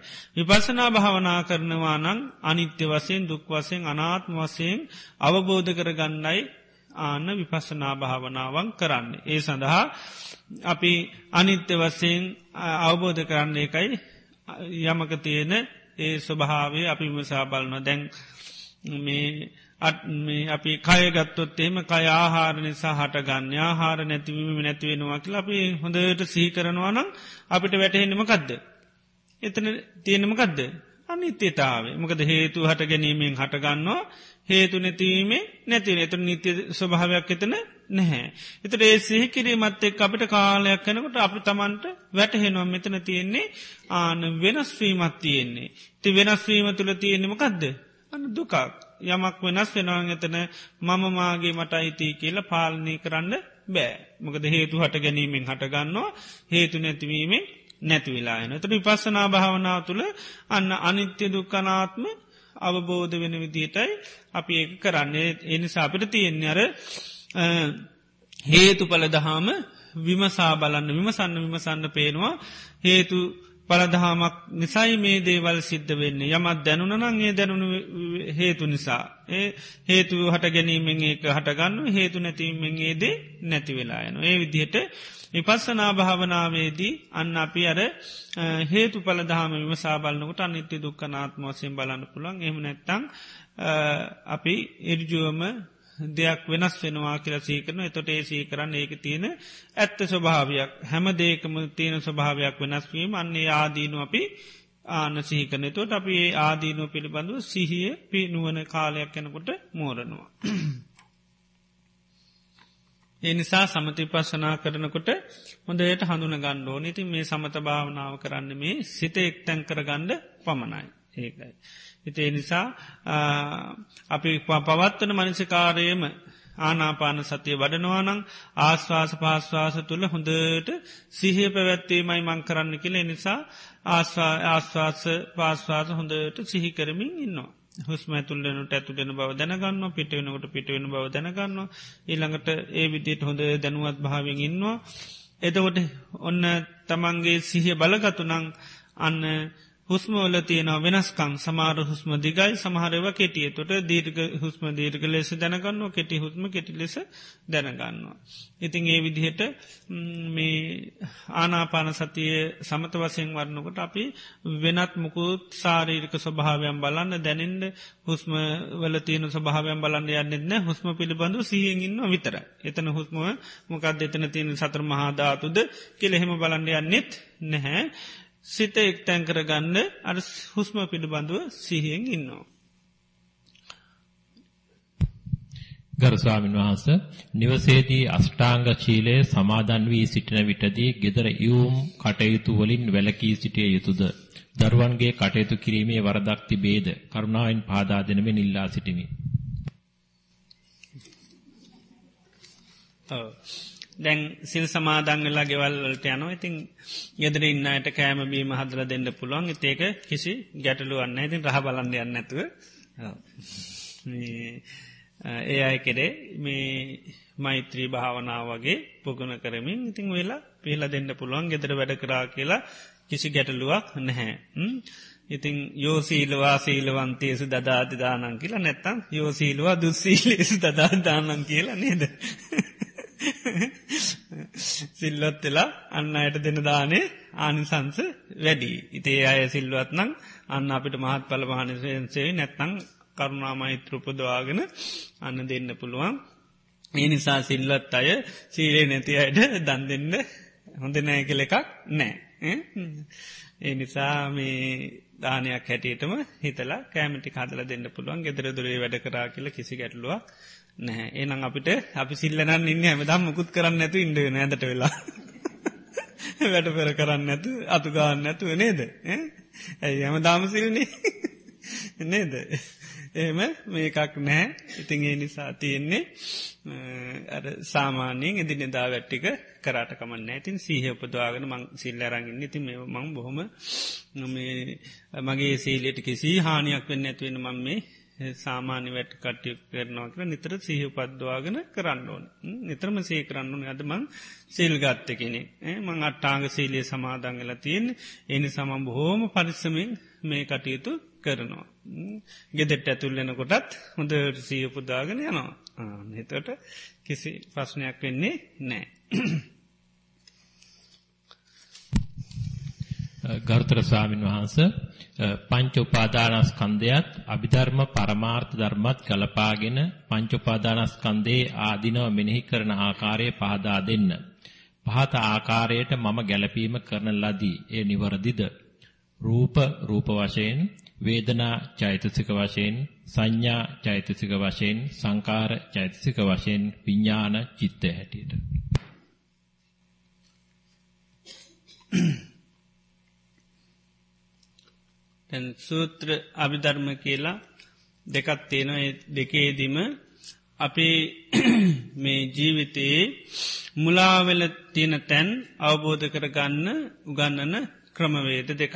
එතකොට සූත්‍රවලදි බුදුරජාණන් වහන්සේ නිරන්තරයම පෙන්නන්නේ යමක තියෙන ස්වභාවය මේ කෙටියෙන් උන්වහන්සේ තේරුම් ගන්න පුළුවන් දියට දේශනා කරනවා සූත්‍රවලදී ඒක ටිකක් මේ අභිධර්මයේ ඒක ටිකක් විස්තර වසයෙන් දේශනා කරනවා. ද අපි උදාහරණයක් හැටියට ගත්තොත් ගේත් කියලති නොකිමකු දැන්ගේ කෙනෙකුට ගේ අවබෝධ කරගන්න මොකක්ද මේ ගේ කියල කියන්න. එතකොට කෙනෙකුට සාමාන්‍ය වසෙන් එයාට දැනගන්න පුළන්ගේ කියන්නේ උළු ගඩොල් ඊළඟට වැලි ලී ආදී මේ ද්‍රව්‍යන්ගේ නිර්මාණයක් තමයි ගේ කියන්නේ. මේ ද්‍රව්‍යයන් වෙන්කරොත් එතන ගයක් නෑ. ඒ විදිහට එතොට යාටගේට ලොකු බැඳීමක් කැල්මත් තියෙනවනම් ඒ අයින් කරගන්න පුළුවන්. මොකද මේ සකස් වෙලා තියෙන ඔක්කොම මේගේ ඔක්කෝම මේ දිරල යන ඊළඟට මේ දේවල් වලින් තමයි හැදිලති නති මේ දේවල් විනාශවීමත් එක මේ ගේත් විනාක්ෂල යන මේ ද්‍රව්‍යයන් ඔක්කොම අනිත්‍ය දේවල් නිත්‍ය දේවල් නෙවේ. අනිත්‍ය දේවල් වනින් හැදුනාවූ මේගේ කොහොමත් නිත්‍ය වෙන්නේ නැහැ. ඉතිං ඒ විදිහට ගේ පිළිබඳව මුලාවෙලා ඉන්නවානං ඒ මුලාව නැතිකර ගන්න පුළුවන්. ගෙට ලොකු බැඳීමත් තියෙනනං ඒ බැඳීමත් අයින් කරගන්න පුළුවන්. ගෙට අයිතිවාසකමක් කියයානින් නොනං ඒකත් අයින් කරගන්න පුළුවන්. අඩ ගේ හැදිල තියෙන්නේ මේ මේ ද්‍රව්‍යවලින් මේ මේ දේවල් වලින් හැදිල තියන ති මේ දෙයින් හැදිච්චිගේ ඇන්න මේ ස්වභාවේ මේකයි කියලා අවබෝධ කරගන්න පුළුවන්. තවත් කෙනෙකුට ඔන්නන්ගේ ඊටත් එහා බලන්න පුළුවන්ගේ ගඩො ලක් ගන්නවා. ගල්ල කුඩු කරලා එක ගත්තාමේක තියෙනවා ගොඩාක් දේවල් ගඩොඩ හැදිල තියෙන්නේ රසායනක විද්‍යාවසයෙන් ගත්තොත්තේ මේක මහා ගොඩක් තියෙනවා නේද? රසායන ගත්තොත් ගඩල වෙනම කොටසක් කතා කරන්න පුළුවන් ඇනේ ගත්තොත් ඇනේ වෙනම කොටසක් කතා කරන්න පුළුවන් ලිය ගත්තොත් ලිය වෙනම තියෙනවා උළුවල වෙනම තියෙනවා නේද? එතුර ගොඩාක් ද්‍රව්‍යයන් එකතු වෙලත්තමයි ඒක නිර්මාණය වෙල තින තොට ඒ විදිහට බලලා කලකිරෙන්ඩත් පුළුවන්. එතර කොහොමරි තියෙනෙමකක්ද කලකිරෙන්න්න ආන්නේ වගේ තමයි ජීවිතයේ සම්බන්ධව ගත්හාම දැම් මේ ජීවිතය කියන්නේ ගියක් වගේ නම් මේක හැදිල තියෙන්නේ රූපවේදනා සංඥා සංකාර විඤ්ඥාන කියන පහෙන්. ඉති මේ පහ අපිට විවිධ විදිහට බලන්න පුළන් රූපය බුදුරජාන් වහන්සේ සූත්‍ර පෙන්න්නන්නේ චත්තාරෝච මහාභූතා චතුන්නංච මහාභූතානං උපාදායරූපන් සතර මහාධාතුත් ඒ නිසා හටගත්ත දේවල්තමයි රූප කියලා කියන්නේ. එතුර සතර මහාධාතු හැටිට කයේ කෙස්ලොම් නිය දත්තාද මේ කොටස් පෙන්න්නනවා. එතොට ඒ විදිහට රූපය පිළිබඳව අවබෝධ කරගන්න පුළුවන්. ඊළඟට අභිධර්මය කරමය ගත්තාම් රූප විසි අටක් පෙන්න්නනවා. එතොට ඒත් බලලා විසි අරකට බෙදලත් කලකිරෙන්ට තමයි තියෙන්නේ හතරකට බෙදල හරි විසි අටකට බෙදල හරි කලකිරෙන තියෙන්නේ. ඊළඟට වේදනාගත්තත් එහෙමයි මේ අනිකුත් මේවා ඔක්කෝම ඒ විදිහට මේ අපි මේ හේතු නිසා හටගත්ත දේවල් මේ පංචු පාදානස්කන්දේම අනිත්‍ය හේතු නිසා හටගත් වූ පංචුපාදානස්කන්දය කොහොමත් නිත්ති වෙන්නේ නෑ ඒක අනිත්‍යයයි. එති ඒ විදිහට මේ අපිට සාමාන්‍ය වස්සේ මේ රූපවේදනා සංඥා සංකාර කියන මේ වගේ දේවල් කියලා අවබෝධ කරගෙන අන්නේ පිළිබඳව කලකිරීම ඇතිවෙන්ඩ භාවනා කරන්න පුළුවන් එම නැත්තං තවත් විස්තර වසයෙන් අභධර්මය ගොඩාක් විස්තර තින තේ විදිහට කරන්න පුළන් දෙකෙම හැබැයි කලකිරීමක් ඇති කර ගන්නයි කරන්න. ඉතින් තමන්ට ගෝචට වෙන විදිහට කුඩු කරලාම කලකිරෙන්ට දෝනි නැත්තං ගලවල කුඩු කරන්න දෝනි කලකිරෙන්ට ඕනි කියලා තේරුම් අරගෙන බෑමට බලන්න ඕනි හොතටම කුඩු කරලනම් කුඩු කරලම බලනවා. එහෙම නැත්තං යන්තන් ගලවල දැම්මමගේ ගයක් නෑ කියල දැනනවනම් එතනින් කලකිරලා යනවා. තවත් දුරට කුඩු කරන්න ඕන්නම් ආන තවත් කුඩු කරලා දාන්න බලන්න පුළුවන්. ආනෙකයි ඉතින් අභිධර්මකමේදී උගන්නන්න හැම දේකම ඒකයි. හොද්දටම සුන්න දූලි කරල බලන්න තමයි ආන්න උගන්නන්න ඉති නිසාත් දෙකෙම අපිට තියන්නේ කල කිරීම ඇති නිති එක එක්කෙනට විශේ වෙන විදිර කරන්න පුළොන් හැබැයි වෙන්වෙන් වසයෙන් කිරීම තමයි ඉතාමත්ම වැදගත්. එතකොට තමයි සීහ පීටන්නේ. අභිධර්මකමේටුව අපට ටක්ගාල ඒ රූපය කියනකට අනු රූප විසියට හිතට මතක් වෙන්නන. සූත්‍රකමේටිකන ගන්නවන ආන රූපේසි අත්‍ර රූපය කියනකොට හා සත්‍ර මහාධාතුත් ඒ නිසා හටගත්තේ. කොහොමට සිහි උපදින්ඩ යෝනි දෙකෙන්ම. රූපය කියනකට සිහි උපදින්න ඕනි මොකක්දක අර්ථය. වේදනාව කියනකොට අර්ථය මේ වෙන්න. ඒ නිසා ක්‍රම දෙක වෙනම පුරුදු කර ගැන මොකද දෙකෙම සිහ උපදුව ගන්න තම යෝනි. සීහපදවාගෙන අර අපි ඒ පිළිබඳව කලකිරීමක් හිතේ ඇති කරගන්න. ඒ නිසා ක්‍රමවේද දෙක වෙන්වෙන් වසයෙන් හොතට ඉගෙනගෙන කිසිම ගැටලුවක් නැහැ. නමුත් වෙන්වෙන් වසයෙන් බැලීම තමා ඉතා වැදගත් ඒකන වෙනම ගන්නන්නේ. දෙක එකට උගන්නන්න නැත්තේ. වෙන් මේකත් දැන් රසායනක විද්‍යාව භෞතික විද්‍යාවකට ගන්නන්න නෑන වෙන්වෙන් වසයම් ගන්නන්න නේද.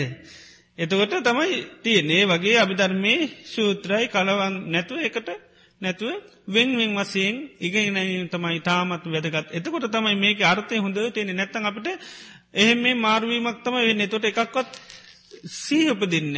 රූපය කියනකොට සමහරලට අපට සීහිටෙන් එහෙම එන එක තමයි වෙන්ඩෝනි. රූපය කියනකොටම සීවෙන්ඩොල්ම කද රූපය කියන්නේ කියලා. ආනකයි. එතවට මේ වේදනාව කියනකට අපට සිහිට නොමකද වේදනාව කියන්නේ සංඥාවකද අර්ථය හොඳට සිහියට එන්ඩෝනි ඒ සීහට හුරු කර ගැනීම තුළ තමයි යන්න අපි රූපය කියනකොට ඒ අර්ථය වැටහෙනකොටම රූපයට කල කෙරෙනවා. ඉති ඒ සිහි උපදවා ගණ්ඩයි මේ අපි නිතරම මේ ඇම එකම්ම කරන්නේ. ඒ නිසා තමන් තෝර ගණ්ඩෝනික් මොන කරමේද මට කැමැති ආනකයි. ඉති ඒ කැමැත්ත හොඳට හඳුනාගෙන ඊට පස වෙන්වෙන් වසයෙන් කරපුවාම හරිම පහසුයි. ඉගෙන ගත්තර කමන්නෑ දෙකම භාවනාවකසින් පගුණ කරනුවට එක කරම වේදයකට නිතරම අන්ඩෝ නතවට තමයි ඒ තුළින් හොඳට සිහිය කියනක උපදවාගන්න පුළුවන් මේ හැම භාවනාව ධර්මයක් ඉගෙනගනම අර්ථ අර්ථ පිළිබඳව සිහිපදවා ගැනීමයි කරන්න. මුකද අර්ථය වැටහෙනකර තමයි මේ අර්ථය ගැන විමසනකට තමයි මේ ධර්මය කියනෙක අපිට වැටහීම කියනෙක්කෙන් පෙන් තියෙන්නේ. අත්වූප පරිකත්වය සති දම්මාන නිජ්‍යානක්ක මන්තිකෙන අර්ථ විමසන කර තමයි ධර්මය පිළිබඳ වැටහීම කියනක තේරෙන්නේ. වැටහෙන්ට වැටෙන්ට තමයි චන්දය කියනක දියුණු කරගන්න පුළුවන්කම ලැබෙන්නේ. ඒ නිසා මේ පංචුපාදානස්කන්ද ඒ වගේ මා එතන මේවා වෙංවෙන් වස්සයෙන් ඉගෙනගෙන පගොඩ කරපු හම ගොඩක් පහසුයි මොකද නිතරම තමන්ට ක්‍රම වේදයක් තියෙනවා හුරුග හුරු වෙලා එතොට ඒ ක්‍රම වේදයට නිතරම පැහැදිලිව තමන්ගේ මනස හසුරුවාගන්න පුළුවන් නැතං අපිට කෝකද කියන එක එකක්වත් සමල්ලාට හිතට එන්නැති ගතියක් තියෙනවා. එතිහෙම නැතුව හොඳට ඒකකම වේදයකට කමවේද දෙක උනත් වෙන්වෙන් වසයෙන් ඉක්මනින් තමන්ට මේ මනසට අරමුණ වෙන්ඩෝනි ආන්නේකයි. ඒ විදිහට පුරුදු කරන්න මේ එතොට මේක පෙනෙන රූප මේ අභිධර්මකමේට රූප රූප හැටියටත් වේදනා චෛසිකයක් සංඥා සෛත්‍යයා සංකාර චෛසික විඤ්ඥානී කැනේ සිතට අයිතියක්. දැන් අභිධර්මය නිතනම සතර පරමාර්ථ කියල හැමදේම හතරකට බෙදන රූප චිත්ත රූප ඉළඟට නිර්වාණ කියලා මේ චිත්ත සයිසික රූප නිබ්බාන කියලා හැම දෙයම්ම හතරකට බෙදනවා. ඉතින් පරමාර්ථ ධර්ම කලේ හතරට තමයි ඔක්කෝමීට පස්සේ අභිධර්මය පෙන්නන්නේ. තිය නිසා අපි නිතරම අර ඒක එකකම වේදයක් හොඳට අරගෙන තොට ඒකම වේදයට හැම දෙයක්ම අපිට දාන්න පුළුවන්.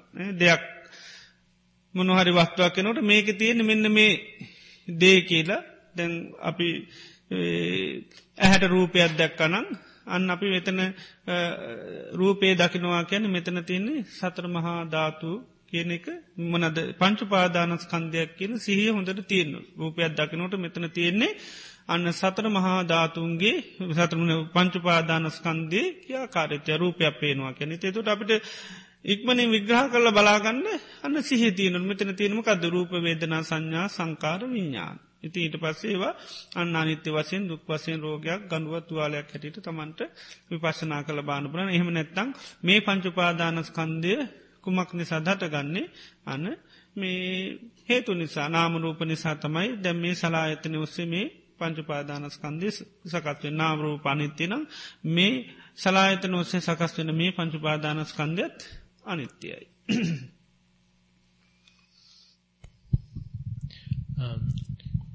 ගරු ස්වාමීන් වහන්ස මේ ප්‍රශ්නය කොටස් හතරක් තියෙනවා. පළවෙනි කොටස කායික රෝග භාවනාවට කරදරයක් වූ විට එයින් ජයගන්නේ කෙසේද?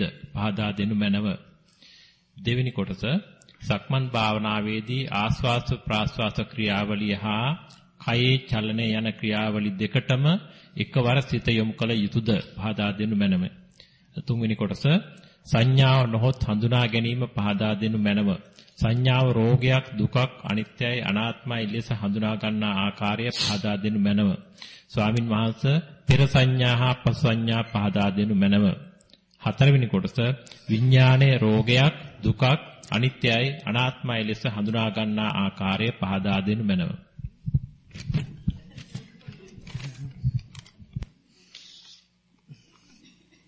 කායික රෝග භාවනාට කරදරයක් වූ විට එයින් ජයගන්න එක සේද කියලහනවා. දැන් කායික රෝග හටගත්තට පස්සේ දැන් අපි බලමීම කරන්න ඕනිම් කදද සිහ පීටුව ගණ්ඩෝන්. කායිකව මොනයම්ම ආබාධිත ගති ඇත්තියෙනවනං සිහ පීටු ගන්න ඔන්න මට දැන් කායික දුක්වේදනාවක් හටගන්නවා. මේ රෝගේ මුල් කරගෙන විශාල වේදනාවක් අපාතතාවයක් කායිකෝ තියෙනවා. එතොට මේ වේදනාව බුදුරජාන් වහන්සේ හා දේශනා කරනවා ගිලාන සූත්‍රයේදී ලෙඩ වුණහමේ වගේ අසනීපකං හැදුනාම කිම් පටිච්ච කුමක් නිසාද මේ කායික වේදනාව තියෙන්. එතට දේශනා කන ඉම මේව පස්සම් පටිච ස්පර්ශය නිසා. එතට මේ ස්පර්ශය ගැන විමසල බලන්න කන මේ ස්පර්ශය කියන්නේ අනිච්චං වෙනස් වෙන දෙයක් සංකතන් සකස් වෙච්චි දෙයක්. පටිච සමුපන්නං හේතු නිසා හැදිචි දෙයක්. එතොට අනිත්‍ය වූ සකස් වෙච්චි පටිසම්පන්න ධර්මයක් නිසා වූ මේ ඉස්පරිසය නිසා හටගත්ත මේ වේදනාවකුතෝ නිච්චම් භවිස්සති නිත්‍ය වෙන්නේ කොහොමද. ඒක අනිත්‍යයි කියලන්න හටගත්ත කායික දුක්වේදනාව ආන්න එවිදිහට බල්ලා අයින් කරගන්නක් පුළුවන්. එහෙම නැත්තම් වේදනා කායික වසයෙන් රෝගයක් තියෙනකොට මනසට පීඩා එනකොට දකිින් ඕනි මේ රෝග කියන්නේ අපිට උරුම වූ දෙයක්. මේක මේ ලෝකයේ කාටවත් මේ වලක්වන්න බෑ. මම විතරක්න මේ මේ රෝගවලට පත්වෙන මේ ලෝකෙ හැමෝම රෝගවලට පත්වෙනවා. ඉතින් ඒ නිසා මේ රෝගය මම එපාකිව්වත් ඊළඟට පිළිගත්තත් යන්ඩ කිව්වත් රෝගය කියන එක කයට උරුම දෙයක්. මේ රෝග කය කියන්නේ රෝගයන්ට කැදැල්ලක් වගේ. ඉතින් කැද කුරුල්ලො නිතරම කොහෙට දන්නේ කැදැල්ලට. ඉතින් මේ රෝග නිද්නම් පබංගුරන් කියන මේක මේ කය කියන්නේ රෝගයන්ට කැදැල්ලක්. ඉතින් ඒ නිසා ඒ හිතන් ඒකට්ටි කැදැල්ල කියලා. ඒ නිසා ඇවිල්ල පජංචියනවා කුරුල්ලො ටික. ඉති ඒ නිසා නේද? ඒ නිසා මේක අර සාධාරණ දෙයක් හැටියට දකිින් ඕනි. නිතරම අපිට ගොඩා තියෙන පස්න විත තමයි දෙයක් හටගත්තා මේක මට වෙච්චි හුද කලා දෙයක් හැටියට ගන්නවා. ඇයි ඒ එතකොට තමයි තියෙන ගැටලුවතින් නිතරම පොදු දෙයක් හැටියට ගන්න මේ කයයි කියන්නේ මේ ලෝක යම්තා කයවල් තිරන හේ හැම කයම්ම ලෙඩ වෙනවා. මගේ කයි විතරක් නෙවේ. ඉතිං ඉතින් කයක් ලැබුවොත් ලෙඩවීම උරුම කටපු තියෙන දෙයක් කාටවත් දෙවියකුට බ්‍රහ්මියකුට මාරයකුට වත් අයින් කරන්න බෑ බුදු පසේ බුදු මහාරහතන් වහන්සේලාගේ කයවල්වලටත් වේදනාව ඇතුුණා උන්වහන්සේලාටත් ඉවසාදරාගන්නව බොහොම දරුණු රෝගාබාධ උන්වහන්සේලා කයවල්ලොලට තරගත්තා. ඉතිං අපි ගැන්න අපේ කයවල් ගැන කියන්නම දෙයක් නැහැ. ඉතිං එනිසා මේ ශරේරය තියනතා කල් මේ රෝග තියෙන එනිසා මේක නිදහස් වෙච්චිදාක තමයි අපිට අන්න මේ රෝගයන්ගෙන් නිදහස් වෙන්න තිනේ නිසා මම මේ කය ඉතියන මේ චන්දරාගේ මේකින් දුරු කරගන්න ඕනි. මේ වගේ රෝගයට කැදැල්ලක් වෙලා තියෙන කය මගේ කරගත්ත නිසා අනුන්ගේ කැදැල්ලක මං පදිංචියෙන් දාවෙන්දතම මං මේ දුක්කිනින්නේ කුරුල්ලන්ට මේක ඉට දීල මං මේකින් අයිගෙනවා කියලා හිතනවා. නේද කුරුල්ලොම මේක පදිංචින්ද කියලා. ආන්නේ විදියට සීකරලා මේ අර කායික රෝගයන් අපිට ජයගන්න පුළුවන්. අපි අනුන්ගේ කූඩුවකට ගිහින්ද තමයි මේ කියලා නේද. එහෙම හිතන්න පුළුවන් මොක දෛතිකාරයකු රෝග තමයි. කයේ අයිතිකාරය රෝගයේ අයි නිතරම ඉතින් මේකට එනවා. ඉතින් ඒ නිසා මේ ඒ විදියට කල්පනා කරලා මේ මේ අපිට කායික රෝග නැති කරගන්න පුළුවන්. ඒ වගේම සක්මම් භාවනාවේදී ආශ්වාස පාශ්වාස ක්‍යාවලට හා කයේ චලනයට යන. දෙකටම එකවර සිත යොමු කළද යුතුද කියලහනවා සක්මං කරනකොට අපි ඉරියව් වල පවත්වන නං එයිට සිහපීටනු ඇරෙන්න්න ආස්වාස් පාස්වල්ට සිහපීටන්න යන්න ඔන්න හැ පුළුවන්තරං තමන් ඒ කරන කායික ක්‍රියාව පිළිබඳ හොඳට සිහිය පවත්වමින් පියවර වල් තබනකොට වසෝනෝකොට යවනකොට හොඳට සිහින් තබමින් ඒට ඒට විතරක් තමන්ගේ සිහිය බලගතු කරගෙන සක්මම් භාවනා කරන්න පුළුවන්. සංඥාව නොහොත් හඳුනා ගැනීම පහදා දෙන්න කියනවා සංඥාව කියලා කියන්නේ බුදුරජාණන් වහන්ස දේශනා කරනවා සංජානාති සංජානාතිකෝ භික්කවේ තස්මා සංඥවා හඳුනාගන්නවා හඳුනාගන්නවා කිය අර්ථයෙන් තමයි සංඥාව කියලා කියන්නේ. නීලම්පි සංජානාති නිල් කියල හඳුනගන්නවා. පීතම්පි රතු කහ නිල් ඒ වගේ දේක තියෙන සටහන් ස්වභාවය අර්ගන හඳුනගන්නවා. එතකොට සංඥාවෙන් තමයි දේක තියෙන හර ස්වරූපය අපි හඳුනාගන්නේ. එතකොට මේ සංඥා කියත්තිනවද හයත්තින රූප සංඥා සද්ධ සංඥා ගන්ධ සංඥා රස සංඥා පොට්ටප සංඥා රූප හඳුන ගන්නවා. අපි බාහිරුවතින රූප විවිධ විදිහට හඳුනා ගන්නවා. දැන් අපි ගෙවල් කියල හඳුන ගන්නවා අම්ම තාත්ත කියල හඳුන ගන්නවා දූ දරුව හ කියල හඳුන ගන්නවා. විවිධාකාර දේවල් අපි ලෝක හඳුනාගන්න මේ ඔක්කම අපේ හිතේ තියෙන සංඥා. හොඳයි කියල හඳුන ගන්නවා නරකයි කියල හඳ ගන්නවා කැතයි කියල හඳුන ගන්නවා නේද? සුබයි කියල හඳුන ගන්නවා. විවිධ විදිහට මේ සංඥාව කියන එක පවතිනවා. එතොට රූප සද්ධ ගන්ධ රස ස්පර්ශ ඔක්කෝම හඳුනා ගැනීම කරනවා. ඒක ඒ වගේ සටහන් ස්වරූප අපි වසයෙන් තමයි හඳුනගන්න. එකයි නිල් කියල සමාරය හඳුන ගන්න රතුයි කියල හඳුන ගන්න ඒ වගේ සමාරය හොඳයි කියල හඳගන්නවා කැතයි කියල හඳුනගන්න මේ ඔක්කොම සංඥාවෙන් තමයි කරන්නේ. එතොට මේ සංඥාව කියලා කියන්නේ මොකදද? මිරුංගුවක් වගේ කියලා කියනවා. සංඥාව මිරුංගුවක් වගේ දැන් අපිට වෙනස් වෙන දේවල් අපි හඳුනගන්නේ තියෙන දේවල් හැටියට. ඊළඟට දුකපදන දේවල් අපි හඳුනගන්නේ සැප හැටියට. ඊළඟට අයිති නැති දේවල් හඳුනාගෙන තියෙන්නේ අයිති දේවල් හැටියට. ඊළඟට අසුබ දේවල් සුබහැටියට. එදවට යමකතින් ඇත්ත ස්වභාවේ නොවේ හඳුනාගෙන තියෙන වෙනත්යක් ඒ නිසායකට එකයි විපල්ලාසිකන එකයි මිරුංගුවක් වගේ කියල කියන්නේ ද මිරුංගුව වතුර වගේ හඳුනගන්නේ. මිරුංගු ඇතට පේනකොට පේන්නේ වතුර වගේ ඉතින් සත්තුමකද කරන්න මිරුංගුව පිටි පස්ස යන වතුර බොන්්ඩ ඉතින් වතුර තියෙන්නේ නෑ. මිරිංගුවේ වතුර නැහැ. එතකොට මොකද වෙන්නේ යා බොහෝම අසරණ දුකකට පත්වෙනවා. ආනේ වගේ තමයි මේ ලෝක සත්‍යයා හඳුනාගන්නා කිසිවක් අයට ලැබින්නේ නැහැ. දේ රූපේ නිත්‍යය කියල හඳුනගත්තට අන්තිමේට මොකද වෙන්නේ අනිත්‍යයාලෑන රූපයත්තමයි එයාට දැකගන්න ලැබෙන්නේ. සැපයි කියලා හොඳනාගත්ත දේවල් දුකතමයි අන්තිමේට ඉතුරු වෙන්නේ. අයිතිී කියල දේවල් වෙනස්වීම තමයි අන්තිමේට ඉතුරු වෙන්නේ. එනිසා මොකද වෙන්නේ අර මිරිනුගුවකට රැවටුනා වගේ වෙන අපි සංඥාවට රැවටීම. එනිසා සාංසාරික වසයෙන් ඒකයි මේ සංඥාවට හිත බැඳිල තියෙන්නේ. අපි මේ හඳුනාගන්නේ දේවල් අපිට නිත්‍යය දේවල් නිසාපිමකද වුණේ හඳුනා ගැනීමට රැවටුනා. හඳුනා ගැනීමට අපි රැවටුන ඒ නිසා හඳුනා ගැනීම කියන එක ස්වභාවයන් තමයි අපි සංඥාව කියන අනිත්‍ය දෙයක් සංඥාව කියන රෝගයක් සංඥාව ගඩුවක්ගේ ඒ විදිර සංඥාවී තියෙන ආදීනව සීකරන. එතොට තමයි මේ සංඥාවට තියෙන චන්දරාගේ අපි දුරුවෙලා යන්නේ හඳුනාගන්න හඳුනා සංඥාවට තියෙන චන්දරාගේ අපේ ජීවිතෙන් අයිංවල යනවා සංඥාව කියන්න මේ වගේ දෙයක්.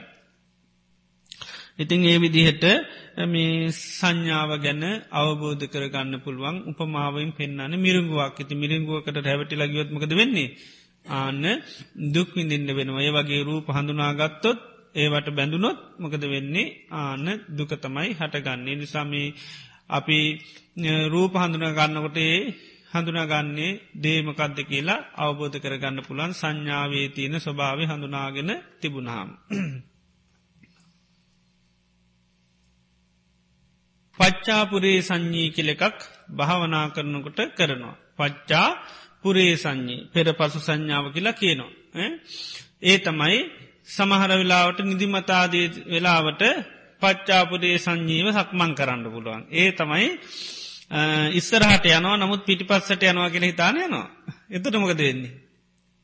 ටිකක් ආන්න මේ වගකීම් සහිත යන්න දැ පිටි පස්සට යනකොට යන්න පුලන් නිකං ආනේ වගේ දැම් පච්චාපුරේ සංඥී කියන්නේ එකයි ඉස්සරහට යන නමුත් හැඟීම තියෙන ම මේ පිටි පස්සට යනවා කියල. එතකොට නිදිමත වෙලාවට ටිකක් ආන්න මේ නිදිමත නැති වෙලා නතරමකද වැට ඉදන්න එන්න පිටි පසට හිටල නේද? එතට පිස්ස පිටිපස්සට යන ඉස්සරහට යනවා කියලා හිතාගෙන. ඒ වගේ පච්චාපුරේ සංඥී සක්මන අධිෂ්ඨාන කරන්න කියනවා. සක්මං කරනකොට ඒ තමයි අර හිත අවදිමත් කරලා ගන්න. අට තීන මිද්දේට යටවුණු හිත අවදිමත් කරලා ගන්න අන්න මේ ඉස්සරහට යනවා මං මේ පස්සට යනවා කියන හැඟීම ඇතිකරගෙන. එතොට බෝම පරිසමින් යන්න ඕනි නේද පිටි පස්ස රැස් නෑනේ නිසා අපි ටිකක් රිවස් කරනකොටත් බොහොම අවදා නේද. වගකීම් සයිතව තමයි කරන එක පාට රිවස් කරන්න ඉස්රහට යනවාගේ නේද. ඒ වගේ මෙතනත් අර හිතට අවදිමත් කරලා ගන්න හිත අර විදිහේ සංඥාවකින් සක්මං භාවනාවේ යෙදෙනවා. පුච්චි පච්චාපරේ සංජීව සක්මං කරන්න කියනවා. විඤ්ඥානී රෝගයක් දුකක් අනිත්‍යයි ලෙස හඳුනාගන්න ආකාරය පාදාදෙන්. දැ විඤ්ඥානය බුදුරජාණන් වහන්සේ කැන මායාවක් කියල කියන මැජික එකක් කියලා දැම් මේ විඤ්ඥානය පිළිබඳව ඒක අර්ථය කැනේකින් අපේ අපිට විඤ්ඥානය පේන්නේම නිත්‍යය දෙයක් සැපක් හැටියට තමයි විඤ්ඥානය ගැන හඳුනාගෙන තියෙන්නේ. මේ විඤ්ඥානය අපිට සැපක් හැටියට පේනෙ තුර රෝගයක් හැටිට බලන්න කියන්නේ විඤ්ඥානය පවතිනතා කල්ම විඳවන්න තමයි තිීන්. විඤ්ඥානය පවතින තාකල් විඳවන්න තියෙන්නේ. දැන් රෝගයක් හැඳල තින තාකල් සැපයක් නෑ. වගේ විඤ්ඥානය පවතින තාකල් අපිට ආයමත් උපත ජරා මරණ සෝක පරිදේව දුක්දමනස්සාදී අනන්ත දුක්කයන් විදින්න තියන්නේ. ඇති අර විඤ්ඥානය පිළිබඳව කලකිරීම ඇතිවෙන්නේ එකයි. විඤ්ඥානය අපිට සංසාරක වසයෙන් ඒක ස්වභාව අපි නිවැරදිව හඳුනාගෙන නැහැ. ඒකයි හඳුනාගන්න විඤ්ඥානයේ අපි දන්නාදේක ස්වභාවෙන් බලනවා රෝගයක් තින තාකල් විඳවන්න තියෙනවනම් මේ විඤ්ඥානය පවතින තාකල් විඳවන්න තමයි තියෙන්නේ. ඊළඟට විඤ්ඥානය කැන නිරන්තරයම හේතු හට ගැනීමෙන් හටගන්න එකක් හේතු නැතිවීම නැතින නිසායක නිත්‍යයයි. ඒවගේම විඤ්ඥානය අපිට කාටවත් ඕන විදිහට පාලනය කිරීම අයිතිය නෑ ඒවම් මේ හෝතු මෙහෙම වෙන්න ඒවම් ආවෝසි මෙහෙම වෙන්න එපා කියලා. ඒ නිසා විඤ්ඥානය කියනිකාන්න අනාත්මයයි චිත්වයක් නෑ පාලනය කිරීමේ හැකියාවක් නැනිතරම හේතු සහගතව හටගන්නවා හේතු නැතිවීමෙන් නැති වෙලා යනවා. ඒ නිසා පාලනය කිරීමේ අයිතියක් නෑ.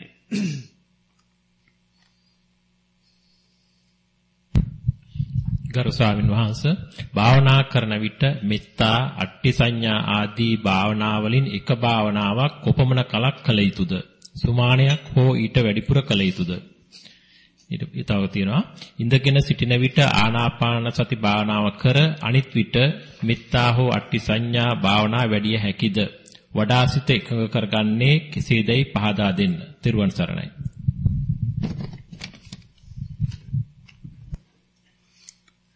භාවනාවක් රහත් වෙන කම්ම කරන්න. කාලේ රහත් වෙනකම්. ඉතින් අපිට මේ ඉතින් භාවනා ක්‍රම කීපයක් පුරුදු කර ගත්තර කමන්නේ නිතරම මං කියන්න එක ආසනයේ කීපයක් කරන්න යන්න නැතුව කාලයක් හොඳට හුරුවෙනකං කරන්න. ඊට පස්සේ බලන්න තමන්ගේ හිතකෝ මොන භාවනාව තුළද හොඳට පිහිටන්නේ මොන භාවනාවෙන් හොඳට වැටෙන් ඒ භාවනාව තමන්ගේ ප්‍රධාන කර්මත්තානය හැටියට කරන්න පුළුවන්. ඉතිං වරින් වර අනෙකුත් භාවනා කරාට ගැරලුවන්නෑ සමහර වෙලාවදී බුදුරජාන් වහන්සේ දේශනා කරනවා දේක හිත පිහිටන්නේ නැත්තං මේ වෙනත් අරමුණක හිත පිහිටවන්ඩ කියන මොකදේ තීන මිද්ද වෙච්ච වෙලාක වනත් කියන තමන් කරන භාවනාව තුළ තීන මිද්දේ ඇතිවුණනම් වෙනත් එකකට හැරවට පස්්නයන්න ඇමක දරකේ මේ නීරසවීම නිසා සමාන්ලාට තීන මිද්දට යන්න පුළ නිසා අලුත් එකක් අලුත් භාවනාවක හිත පිටවාගෙන කරන්න පුළුවන්. ඒ වගේ අවස්ථාවල්දි මාරු කරාට ගැටලුවක් නෑ.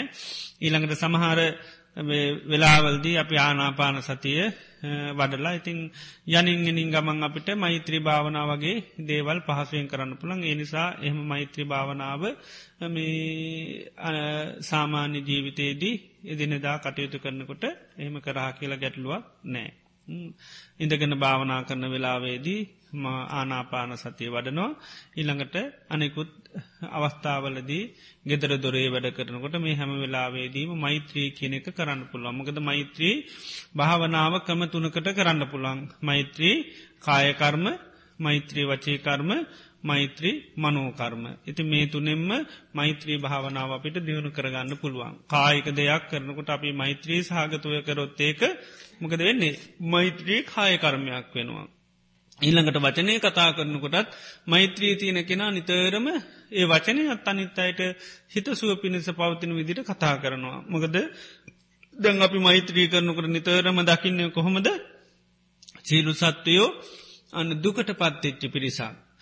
මේ මානසිකව හටගන්න මේ කෙලෙස් නිසා මේ කෙලෙස් හරියට රෝගයක් වගේ. එතොට මේ මානසික කෙලෙස් නැමිති රෝගයෙන් ලෝක යුත් අය යුත්තයි. අන ඒ නිසා මේ අයගේ මේ මානසික රෝග දුරුවෙලා මේ කෙලෙස් දුරුවෙලා මේ අයසුව පත් අය බවට පත්තේවා කියන හැඟීම අපිට තියෙනවා. එතොට අපි කෙනෙකුට දිහා අපිම කතා කරන අවස්ථාවකුණුත් අපි අර මෛත්‍රී සිත පෙරදර කර ගනේ මේ හිත්වල කෙලෙස් නිසා මොන තරම් පීඩනයකින් දුකකින් දින්නේ. ඒ නිසා මන්දැම් මේ කරන වචනය මේ අයට කිසි මේ මේ හිතට මේ දුක්විදින මේ කෙලෙස් වලින් බරිත මේ හිතට කිසිම හානියක් වෙන්ඩ පා කියලා හිත රිදෙන් නැති වචනයම්මන් කතා කරන්න ඕන කියලා අන්න මෛත්‍රී සහගතු ඊට පස්සේ කතා කරන්න පුළන් අර තුවාලයක් තියෙන රෝගියකුට බොහෝමිහිමීට අතගාන වගේ. මොකද තුවාලි පැරෙන්ට පුළුවන්නේ නේද? ඒ වගේ අන්න මේ මානසිකව දුක්කින්දින කෙනු රනේ අපේ මේ වචන නිසාමයාගේ හිත පෑරෙන්ඩ පා මේ හිතේ මේ විදන විදවිල්ල වැඩිවෙන්ඩ පමං කරන මේ වචනය නිසා. මං කතා කරන වචනයෙන් යට කිසි මහානයක් වෙන්ඩ පා කියල තොට අන්න නිතරම මෛත්‍රී සහගතවයා වචන පාච්චි කරනවා. ඒවාගේම දෙයක් කරනකොටත් අන්න මෛත්‍රී සහගතුවක නනේමේ ලෝක හැමෝම නිතරම විඳවිල්ලකින් ඉන්න දුකකින් අනේ නිසා මං මේ කරන කියාව මේ අයට සහනයක් වේවා. මේ අයගේ ජීවිතයට සුවපත් භාවයක් ලැබේවා කියලා අන්න කරන කියාවන් ගෙදරදොරේ කරන වැඩ ඔක්කෝම මෛත්‍රී සහගතුව කරන්න පුළුවන් තෝට ඒවායිම් කිසිම පීඩාවක් නෑ මහන්සියක් දැනෙන්නේ හරි සතුටත් දැනෙනවා. මොකද දුකට පත්තේ චිටිකත්තමයි ගෙදරඉන්නේ නේද? එහ නිසානේ ඒ අයිසූපත්තෙන්ට කියලා ගේ අතු ගාලදානෝ නේද. ගේ අතු කාලා පිරිසිදු කරලා ආන්න හොඳට සේකරන මං මේ දැන්ගේ පිරිසිදු කරා. මේ දුකට පත්තල ඉන්නයි මේ ගේ පරිහරණය කළේ අයිගේ ජීවිත සුවපත් කරගන්න ලැබේවා කියලා අන්න මෛත්‍රී කරමින් කරන්න පුළුවන්. එතොට පීඩාවක් නෑ ඊට පස්සේ අනි පැත්තේ මෛත්‍රී අපි දකිින් ඩෝනිතින් දැම්මේ චූටි අයනේ ගෙදරඉන්නේ ඒ නිසාය මේක හැටි කරන්න පුළුවන් නේද. ඒ නිසා ආයත් මට මේ අයට උදව්වක් කරලා ආන පිනක් සිද්ධ කරගන්න පුළුවන් කියලා අවබෝධයෙන් ඉන්ඩෝන ඉතින් ඊළඟට එන්නකොට අන්න අර්තිබ්‍ය ොක්කෝ මෙහෙ මේ දාලා එතකොට අන්න හිතන්ඩෝනි දැම් පොඩි අයි හිටිය නිසා තේරෙන් නැතිහින්දා මේව කරලා තියෙන්නේ නේද? තේරෙ සෝතා පන්න දරුවත් හිටිය නම් මේම කරන්නේ නේද? තාම සෝතා පන්නේම නෑන තාම චූටිනි. ඉතින් ඒ නිසා ඉතින් හැටි කරන්න පුළුවන් නොතේරුම්කමන්නේ නේද? නැත්තං අම්ම භාවනා කරලෙනකොට හොඳර තියෙන් ෝනි ඒම දැනුමක් නෑ. තාම සෝතා පන්න නැතින්ද චූටියයින්නේ ඉතින් ඒ නිසා සමහාව දෙන්නයි තියෙන්නේ. ඉතින් සමාවදීලා ආයත්තේවා කරන්න ඕනි. තේවිදිහට අන්න හිතට අමනාපය අත්තරහක් ඇති කරගන්නේ නැතුව අපිට කටයුතු කරන්න පුළුවන්. නිතරම හැමෝම පුද්ජලයන් දකිින් ඩෝනී මේ පුද්ජලයන්ගේ පස්්නයක් නොවේ. රෝග නිසා එහෙම නැත්තන් චූටිකම නිසා. ඒ නිසා තමයි අසේවනාජ බාලානන් කියන්නේ බාල කියන්නේ එකයි කෙලෙස් වැඩිවෙනකොට අය චූටි අය බවට පත්වෙනවා. ඉතිං ඒ නිසා චූටි අය හැටියට නිතරම දකිින් ෝනි මොනවාරිකරොත් තාම චූටි කෙලෙතන් පොඩිකාලය අපිහිතේ චූටි බබාල කාලේ නේද වැරදි කරන්න කරන්න අම්මල හිතන්නම ගදද. තාම චූටී කියල හිතනවා. ඒකන මෛත්‍රී කරනට අම්මගෙනෙක් වෙලා මෛත්‍රී කරන්න කියන්නේ එකයි. මාතා යතා නියම් පුත්තං ආයුෂායක පුත්ත මනුරක්කේ ඒවම්පි සබ භූතේසු මාන සම්භාවේ අපරිමානං. අප්‍රමාණ ලෙස මෛත්‍රී සිත වඩන්න කියන කවරු වගේ වෙලාද අම්ම වෙලා අම්මගේ තියෙන ආකල්ප ගොඩත් තියෙන එක ආකල්පයත්තමයිමකක්ද සමාව දෙන එක. නේද. නිතරම චූටී චූටී කිය කිය මොකද කරේ? සමහාව දුන්න. තොට පස්්නයන්න මොනවරි කරෙත් චූටි ඒක සුරතලයක් බෞඩක්කවන්න දෙන්ඩෝනි නේද? කරන දේවල්වලට කියලා ඒ වගේ සුරතලයක් පාල අනේ ඉතින් බොනද කමට කරන දේවල් මේ කට්ටිය සෝතාපන්නුවත් කරන්න ඩෝනි කියලා හිතන්න ඩෝනි ආනකයි ඉතින් ඒ විදිහට මේ චූටි කාලි අපි සමහව දුන්නට ලොක වෙනකොට සමහව දෙන්න බැහැ. හේතු ඇයි. චූටි චූටිකම නැති වෙලායනවා කියල හිතෙනවා. නේද දැන් ලොකුයි. ලොකු නහම්මකද තියෙන්නේ ආන තේරෙනවා දැන් තේරෙන අය ආන අපිට ගරු කරන්න ඕනි අපි කියනේ වහන් ෝනි ඒවහර වැඩ හරියට කරන්න ඕනි අන්න ඒම එකක් අපිට එනවා එතොට පොඩිකාලේ වසුවාට ලොකු වෙනකොට වසන්න බැහැ. ඉතින් ලොකු වෙනකොට වෙලා තියන්නේ තවත් ඊට වැඩි චූටි වෙලා. ඒමනුව නිසාද. කෙලෙස් නිසා එතකොට ඔන්න අර අපොඩි කාලය වගේ නෙවේ එතකට මාන්‍ය පොඩ්ඩ පොඩ්ඩ හිතට එනවා අපි ස්වාධීන වෙන්ඩ ඕන කියලා අපි අනුන්ට යටත් හොඳ නෑ. ඒවගේ කෙලෙස් ගතිහි මතු වෙන එතකොට අන්න අරම්මලාට යටත්වෙන්න හොඳ නෑ කියල හිතෙනවා. නේද? කරදර කර කරනවා කියල හිතෙනවා. විවිධ මානසික කෙලෙස් ගතියනකොට තමයි අර පස්සන තින්නේ තොරත් හිටියටත් වැඩී චූටි වැඩියම්ම සමහව දෙන්නඩෝනි පොඩිකාල්ටත් වැඩිය ලොකු වුණහම ආනකයි ලොකු ළමයිට තමයි ගොඩා සමාව දෙනමක හොඳටම චූටි. ආනකයි. ඇ චූටි නිසාකර ගන්නවට වැයි බැරි වෙලාවත් අම්ම තාත්ත කරේ වෛරයක්වත් ඇති වුණොත්තේම. ආන්න හරි පරපත්තලයි ඒ නිසා ගොඩා කනු කම්පා කරන්න ඕනි මකද පොඩිකම වැඩිවුණොත්තේම හොඳටම දරුණු වෙනවා. ඒ නිසා බෝම පරිස්සමින් ආන්න කටයුතු කරන්න ඕනි මොකද මේ අය අපි කරේ වෛරය තරහක් නො සතුටක් ඇති කරගත්තොත් සංසාර පුරාම ගෙනියන ප්‍රශ්නයක් වෙනවා.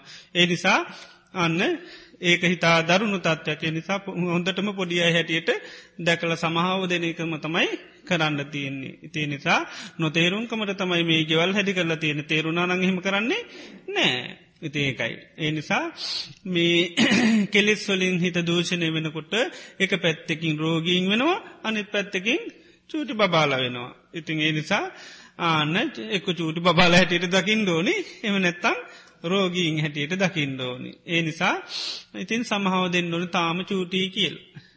ලොකු නහමතමයි අනේ මේ හරියෙන් බැරි වෙලා සෝතාපන්නුනොත් ඔන්න හරි සකදාගාමුණ තවත් හොඳයි අනාගාමුණොත් ඒත් හොඳයි. රහත්තු නොත්නම් හොඳටම හොඳයි ආයමකුත් පස්්නයක් නෑ ආයමකුත් කරතරයක් මුකුත් එන්නෙම නෑ ඉතිං එතකං චූටි ආනකයි. ඒ නිසා මේ සමහාව දෙන්නයි තියෙන්නේ. ඉතිේ එතකොට මෛත්‍රිය කියන අපිට කායකර්ම වචී කර්ම මනෝ කර්ම වසයෙන් නිතරම දියුණු කරන්න පුළුවන්. ඉතිේ නිසා සමාජයේ ජීවත්වෙනකොට පුද්ගලයන් නිවැරදිව හඳුනා ගත්තොත් අපිට ආන කටයුතු කරන්න ඉතාමත්ම පහසුයි. අපි හඳුනාගෙනම තියෙන්නේ මොනාය හැටිර්ද. දැන තේරෙන දැන උගත් අය අපිට සලකන්න ඕනි අපි ගරු කරන්න ඕනි අපි අගයන්න ඕනි අපි පිළිගන්න ඕනි මහාවිදියට අපි ඒ අයකින් බලාපොරතු ගොඩාත්‍යයාගෙන හඳුනාගෙන ඒව නොලබෙන තැනමක වෙන්නේ. ආන්න එවෙන්න. ඒ නිසා මේක තමන්ට විතරත් තියෙන වගකීමක් හැටිට දකිින් ඕනි. තමන් විතරයි මේකමක දනිත්තය කරන්න මේකට අතු දව්දෙන්ට බෑ රෝගීන් ඉන්න එක පැත්තකින් අනිත්තයි තේරෙන් නැතියඉන්නේ. අනිත් පැත්තෙන් පිස්සු අයන්නේ. ඉතින් ඒ නිසා තනිකරම හුද කලා ගමනක් හැටියට දකිින් ොන කාගෙන්වත් උදව්පකාරනෑ මට පුළුවන් සත්‍යයෙන් මම මේ ඔක්කෝටම උපකාර කරනවා. මොකද මන්න යම්ම ඒ නිසා මුළු ලෝකෙටම උදව් කරන්නඉන්නේ. ඉති නිසා මේ අපිට ලෝකින් කිසි බලාපොරොත්තුවත් තියාගන්න ඇතුව කටයුතු කරන්න ඕන. අනිත් අයට මේ වගේම නෑ මගේ වගේම තමයි ඔක්කොම හැටිට දාගෙන පුළුවන්තරමට කරනවා. ඊළඟට අපි වගකීම් සහිතුව කරපු දේ අනිත්ත ඒක අන්න නැති නාත කරන්න පුළන් විනාස කරන්න පුළන් එත නිද අපිට ඉන්ඩෝන අනී නොතේරුම්කමට කරගත්ත දෙයක් ඉතින් අප මොනො කරන්නද ආන්නේකයි. ඒ නිසා මේ තාම ජෝටී කියල සමහාව දෙන්නයි තියන්නේ මේ කෙලෙස් වලින් හිත දූෂණය වෙන්න වෙන්න පොඩි අය බවට පත්වෙනු ඇරෙන ලොකු අය බවට පත්වෙන්නේ නැහැ. පොඩි අය යම්සේ කියාකාරකන්ද කරන්නේ කෙලෙස් සහගත සිතත් ඒ කියාකාරකම්ම තමයි කරන්න. ඉතින් ඒ නිසා හොඳට දකිින් ඕනි කෙලෙස් සහිත මනස කියන්නේ චූටි. ඉතිේ නිසා මොනහරි වෙනකොට තාම චූටී කිලිතන්. ආන්නක තාම චූටි ඉතින් පොඩිකාල අපි සමහදු නේමන නේද. චූටි අඇත එතේරෙන්නෑ කිලි අපි කියන තාම චූටි ඒනිසා සමහාව දෙනවා. ඊළඟට එක දරුවක් කිටියත් ඒත් එකා කිය කිය සමාව දෙනවා. හිතේ නිසා මේ අයටත් ඒකයි මේ ඒ විදිී අම්මගේ ආකල්පයකින් මේ ලෝකයාදිහා බලල මෛත්‍රී කරන්න කිය ඒකයි සමහාව දෙන්න කියන එකයි. පුළුවන් තරං සමහාව දෙන්න තරමටම මේ වැඩේ ඉක්මනින්ම කරගෙන යන්න පුළුවන්. ඒ නිසා කරන කරන හැමදේකටම සමහාවදීම හැර වෙන කරන්න දෙයන්න මකද චූටියට දැනෝගත්කන් දෙන්න පුළන්ද. බෑ. ඒ වගේ තමයි කෙලෙස් සහගත මනසින් කරන දේවල්ලොට අපි කොච්චර කැහැගැව්වත් බැන්නත් ලේසිංගව හැදෙන්නේ නැහැ. ඉතින් ඒ නිසා සමහවදීම තුළ එතරාපමානයකට හෝ කාලානුරූප අපිට කරන්න පුළුවන්. අවවාදනු ශාසනා දෙන්න පාකිනක නෙව ඒවා සුදුසු තැන්න හිත් නිමුණ හම ඕන තරං අවවාදන් ශාසනා දුන්නට කමන්න. නිවැරදි වියයුතු තැන්ති ඕන නිවැරදිවෙන්ඩ නිදහසට කාරුණාකිවට කමන්න ඒවා චෝදනා කරන වෙලාවල අපහස කරන වෙලාවල් දෙදීමේ ආන්න හිත් නිවිච්චි වෙලාක තමයි ඒවා කරන්නට ඕන. ඉතින් ඒ නිසා මෛත්‍රී භාවනාව කියන එක සාමානයෙන් එදිනෙදා බොහොම පහසුවෙන් කරගන්න පුළුවන් එතොට ගෙදෙර දුරේ කරන වැඩ පවාපිට බොහෝම මහන්සේකින් තොරව බොහොම සතුටින් ඒව කරන්න පුළන් ඒ වගේ මොක්කොම ඒවා පින බවට පත්වෙනවා. ඒතුර ගයක් අතු ගාව වෙන්නේ නෑ ඒ නිසා ඒවා සම්පූර්ණම තමම් මෛත්‍රී සහගත කරපු ගං ඒවා පිනක් බවට අත්තමන්ට පත්වෙනවා. ඒති ඒ නිසා හොඳට මේ සංසාරයේ ඉපදිච්චි අය මේ මේ ඉන්න මේ ඔකෝගම හිත්වලනේ කෙස් තියෙන මේ ඔක්කම දුකට පත්වෙලා ඉතින් අපිට දැම් මාත්‍ය වසෙන් දරුව වසෙන් අම්ම තාත්ත වසයෙන් නෝනවසයෙන් නොයෙක විදියට ඇවිල්ල හිටන මේ සංසාරගත කෙලෙස් සහිත හිත්තේ නාය අනේ මේ ඔක්කොම අසරනයි දුකට පත්වෙච්චය එනිසා මේ අයගේ ජීවිතවල තින මේ කෙලෙස් නැතිවල සුවපත්වේ වයනිසා මගේ වචනය මේ අගේ කෙලෙස් ඇවිස්සෙන්න්න එපා. මගේ ක්‍රියාවක මේ අගේ කෙලෙස් ඇවිස්සෙන්න්න පා. මංකරපු ක්‍රියාවක් අය නිවැරදි කරන්න ගිහිල්ලා ඒකෙන් මේ අයට කෙලෙසෙන්න්න පා කියන සිතවිලි නිතරම තියන එකයි මෛත්‍රී සාගත කායකර්ම පචේ කර්ම මනුව කර්ම පවත්වනවා කියන්න. නිතරම දකිින් ොනමකද අපේ ක්‍රියාදාමයකින් ඒ අයගේ ජීවිතට කිසිම හානියක් නුවෙන්ඩොන්මකද අර මහා රෝගීකින් ඉන්න කෙනෙකු අපි මේ රෝගවසනෝ වගේ වැඩක්. මොකද සාමාන්‍ය රෝගයකට වැඩිය භයානකයි මානසික රෝග. පිළිකාවත් තියෙන කෙනෙක් ඒකෙන් ඒකට ගැහුව කියලත් ඒකෙන් මැරුණත් එයට ප්‍රශ්නයක් නෑ. පිළිකාරෝගීකින් කෙනෙ මැරුණට පිළිකාව නිසා යාපා යන්නේ නෑ. ඒකයි පිළිකාව නිසා අපහා යන්නේ නෑ අපා යන්නේ එයාගේ මානසික දුරලතාව තිබත් පමණ හැබැයි අප කෙරේ වෛරෙන් ඉන්න කෙනෙක් මැරුණු එයා තමයි අපා යන්න. තුට අපි පිළිකාරෝගයාරද ගොඩා කනුකම්පා කරන්න ඕන. අපි කරේ වෛරඉන්න කෙනරද. ආන වෛරෙන් ඉන්න කෙනට තමයි හරියටම අනුකම්පා කරන වන කරන්න ඕන. මකද පිළිකාව නිසා විඳවන්න මේ ජීවිත විතර වෛර නිසා විඳවන්න කල්ප ගාන ආනකයි ඒ කෙනෙකුේ දුෂ්ට හිතාක් ඇති කරගෙන නොේ නපුරුකං කරලා කපටිකං කරලා නොයේ දේවල් කරලා ඒකට ගන්න කර්ම සත්‍යය එයා කල්පගානක් සංසාරි විඳවන්න වෙනවා. එතකොට මේ එකවුන්ටකට තවත් අපි ලවා දාණ්ඩ හොඳද? ආනේ ඒකයි. එතකොට අපට හිතන ඒකයි.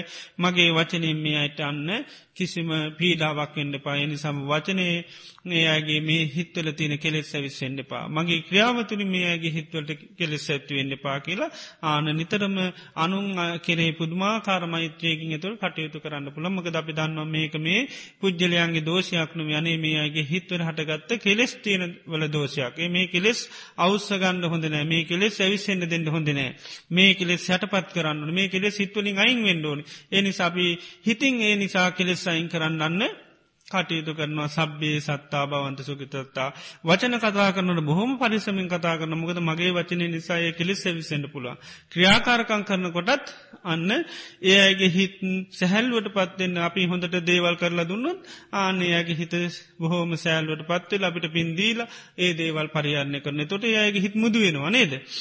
අපි හොඳට හැම දේම කරලා දෙනකට මොකද වෙන්න? අර දරුණු හිත් මුරුදු වෙලායනවා ආනකයි අනුම ගාන ටැංකු හරි කියලයනවානේ නේද ආනකයි. එතෝටත් හොඳ ඒකටට ආන්න. ඉතින් ඒ නිසා මේ පුළුවන්තරන් ඒකයි කායිකව කරන දෙයින් අනිත් අයට යහපත වෙන්න කරන්න ඕනි. වාචසව කරන දෙයින් අනිත් අයට යහපතක් වන මානසික කරන දේමුත් අනිත් අයට සිතක්කන මොකද නිතරම දකින්න ලෝකයා ඉන්නේම දුකේ දුකට පත්තිච්චය සුවපත් කරන්න තමයි මේ මෛත්‍රියෙන් පුළුවන්තරම් වෑයන් කරන්න. සබ්බේ සත්තා බවන්තු සුකිතත්තා. එනිසා අර දුකට පත්තිච්චි ස්වභාව හොඳට දකින්න ඕ නිස්මතු කරලා ගන්න ඕනි කෙලෙස් සුල තියෙන දරුණුකම පියත් කතා කරේ මනුසයන්ගේ හිත්වලට ආපුහම් මොනතරම් දරුණු වෙනවදේ අයි මොන තරං අසරණ වෙලා යනුවද කෙලෙස් හටගත්තාම. ඒ නිසා එමුදු කෙලෙස් වර්ධනය වෙන විදියට අපි කටයුතු කරන්න හොඳ නෑ. තේ නිසා මෛත්‍රී භාවනාවදි කරන්නේ එකයි ඒ අයිගේ හිත්වල තියෙන වෛරේ දේශය තරහා අවමෙනවා අපේ හිත්තර තියෙන වෛරේ තරහා දේශය අඩුනාම ඒ අපේ සිතේ වෛරේ තරහා දේශය අමනාපකං අඩු කරගන්න තමයි අපි මෛත්‍රී භාවනාවේ විදිට කරන්න. එනිසා අපි පිකරප ක්‍රියාවත්තුලින් අපි අයවෛරයක් තරහක් මේ දෝසාරෝපනයක් කරන්න හොඳ නැතිේවා අපි මේ බැරියට කරලා දෙන්නේ. නිසා බැරියට කරලා දුන්න එකට අය කට්ටියකට උදව්ල බෙන්නේ නෑ ඒක දකින්න ඒකගේ අදදුරක් කතු කයවත් ඒ මේ නොතේරෙන අයට අපි අපට තේරනින්ද මේ පිරිසිදු හිටියත් ලෝක හරි හොඳයි. සෞඛ්‍ය සම්පන්න භාවටතයි හිත් සැල්වෙන්න හොඳයි. ඒනිසා අපි ඒදේ අයට කළදන අපේ හැබැයි ඒකට ඒයගෙන් උදවපකාර බලාපොරත්තුවෙන්න හොඳ නමක දේකට කරගන්න බරියන. ඇඳ ඉන්නයි. ලෙඩ්ඩුනි ඉතිේ නිසා අපි තමයි කරලා දෙන්නේ. ඉතිේ නිසා ලෙඩ්ඩු ඇඳින් ඇවිල් බැහලවිල්ල මේක මේ හදන්න ඕන කියල මත තිබොත් වැරදින්නේ. නේද අබ්ගාත ලෙඩ්ඩු ටිකක් ඇඳේ ඉන්නේ ඒ අයවිල කොම සුද්ධ කරන්න. ඒ වගේ දැන් කෙනෙකුගේ මානසිකත්ය හොඳනුත්තම යත් ඒකට දෙන්න. ඒ ඒ පිළිබඳ වටනාකම දැක්කොත් එමද හිතකට තමයි අර හොඳ ක්‍රියාවට අනු බලදීලා ඒක පවත්තකන යන්න උදව් කරන්න. ඉතින් එහෙම නැතුව වෙනස් කෙලේශවලින් ඉන්නකොට මේ කාරක විතරයි සිහිය තියනකොට ගෙවල් මතකනෑ එයා කාරක දුද්ධ කරකරදී. ඒමන වෙන්නේ නේද. එතවට ගෙවල් අතු ගන්න එන්නේ නෑ. වටින්නේ කාඩක හිද කාඩක සුද්ද කර කරන්න එහමනි. කාඩක ෝදනවා කාඩකට කුණු දැම්මොත්තම ඔන්න කේන්තියන්නේ අනි ගෙවල් මන වනත් සමහට පස්්නයක් නැහැ. ඉති ඒකෙක්කෙනගේ අර වටිනාකං අනුව දැකව ඉතින් කෙලෙස්නේ. නේද? නාන්නේක ඉති අපිව දකිින්ඩෝ නතවට අපි අන්න අර්බුද හදාගන්නඇතුව අපේ හිත හොඳට පවත්තාගෙන යන්න පුළන් කරන දේවල් අපිට ඔක්කෝමන්න පාරමිතාවක් බවට පත්තේවි. අන්නේ තොට නැත්තං අපි ක්‍රියාව කරලා ඒකෙන් අපි දුක්මිදන එකක් විතරයි අන්තිමේට වෙන්නේ. ඉතිේ නිසා ඒ විදියට හොඳට අවබෝධ කරගන්න හඳුනාගෙන ජීවත්වෙන්නේ තකොට අන්න අපිට මේ හිත සකස් කරගන්න පුළුවන් කෙලෙසෙන් ඇතු නැත්තන් කොච්චර භාවනා කරත් සමානලාට ඔය විදිහට කෙලෙසෙනවනං අන්න භාවනාවේ ප්‍රෝජනය ලැබෙන්නෙත් නැහැ. ගරුතර ස්වාමින් වහන්සේ එක්තරා කරුණකට හිත කලකිරීගෙන යන අවස්ථාවේදී බුද්ධ දේශනාව අනුව ඔබ වහන්සේගේ අවවාද අනුශාසනා ඇතිව තින්නම් සංගති පස්සෝ යන ධර්මපදයේ අනුව මෙනෙහි කරමින් හේතුඵල දහමක් ලෙස දකිමින් මේ ස්පර්ශය වේදනා සංඥා සංකාර විඥාන හරහා හේතුඵල දහමක්සේ අවබෝධ වී මේන් ධර්මතා තුනක් අවබෝධ විය. එහෙනම් අවබෝධයත් අතහැරීමත් සහ තද ප්‍රීතියකුත් ඇතිවිය. සිත නිදහස් වුණා යන අදහස ඇතිවිය. මේ ක්‍රියාවලිය අපට තවදුරටත් පැහැදිලි කොට දෙනමින් ඉල්ලා සිටිමි. එක්තරා තැනකදීවත් භවයක් සෑදුනාද යන බව කරුණාවෙන් පහදා දෙනමින් ගෞරවයෙන් ඉල්ලා සිටිමි. ඔබ වහන්සේට තෙරුවන් සරණයි.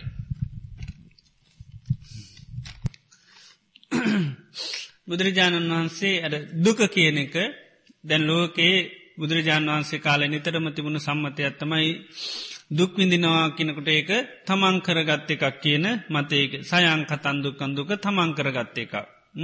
එම නැත්තං පරංකතම් මේක අනුන් කරපු එකක්. එහෙම නැත්තං දෙගොල් එකතු වෙලා කරපු දෙයක්. ඊළඟට අධිච්ච සමුපන්නන් එහම නැත්තං හේතුවක් නෑ කරන්න දෙයන්න ඉබේ වෙන දෙයක් හැටියට කියනවා. ඉතිං ඒ විදිහේ අර දුක් විඳිනකොට බුදුරජාණන් වහන්සේ කාලේ ඒ මතවල තමයි මිනිස්සු හිටිය. ඉතින් බුදුරජාණන් වහන්සේ පෙන්න්නනවා මේ දුක කියන්නේ තමා කරා කියලා බලනවත්නවේ අනුන් කරනවත්නේ මේ දුක කරානංකරේ ආන්න ඉස්පර්ශයෙන් විඳනවානම් විඳින්නේ දෙක් ඒත් ඉස්පරසයෙන් ඒකයි.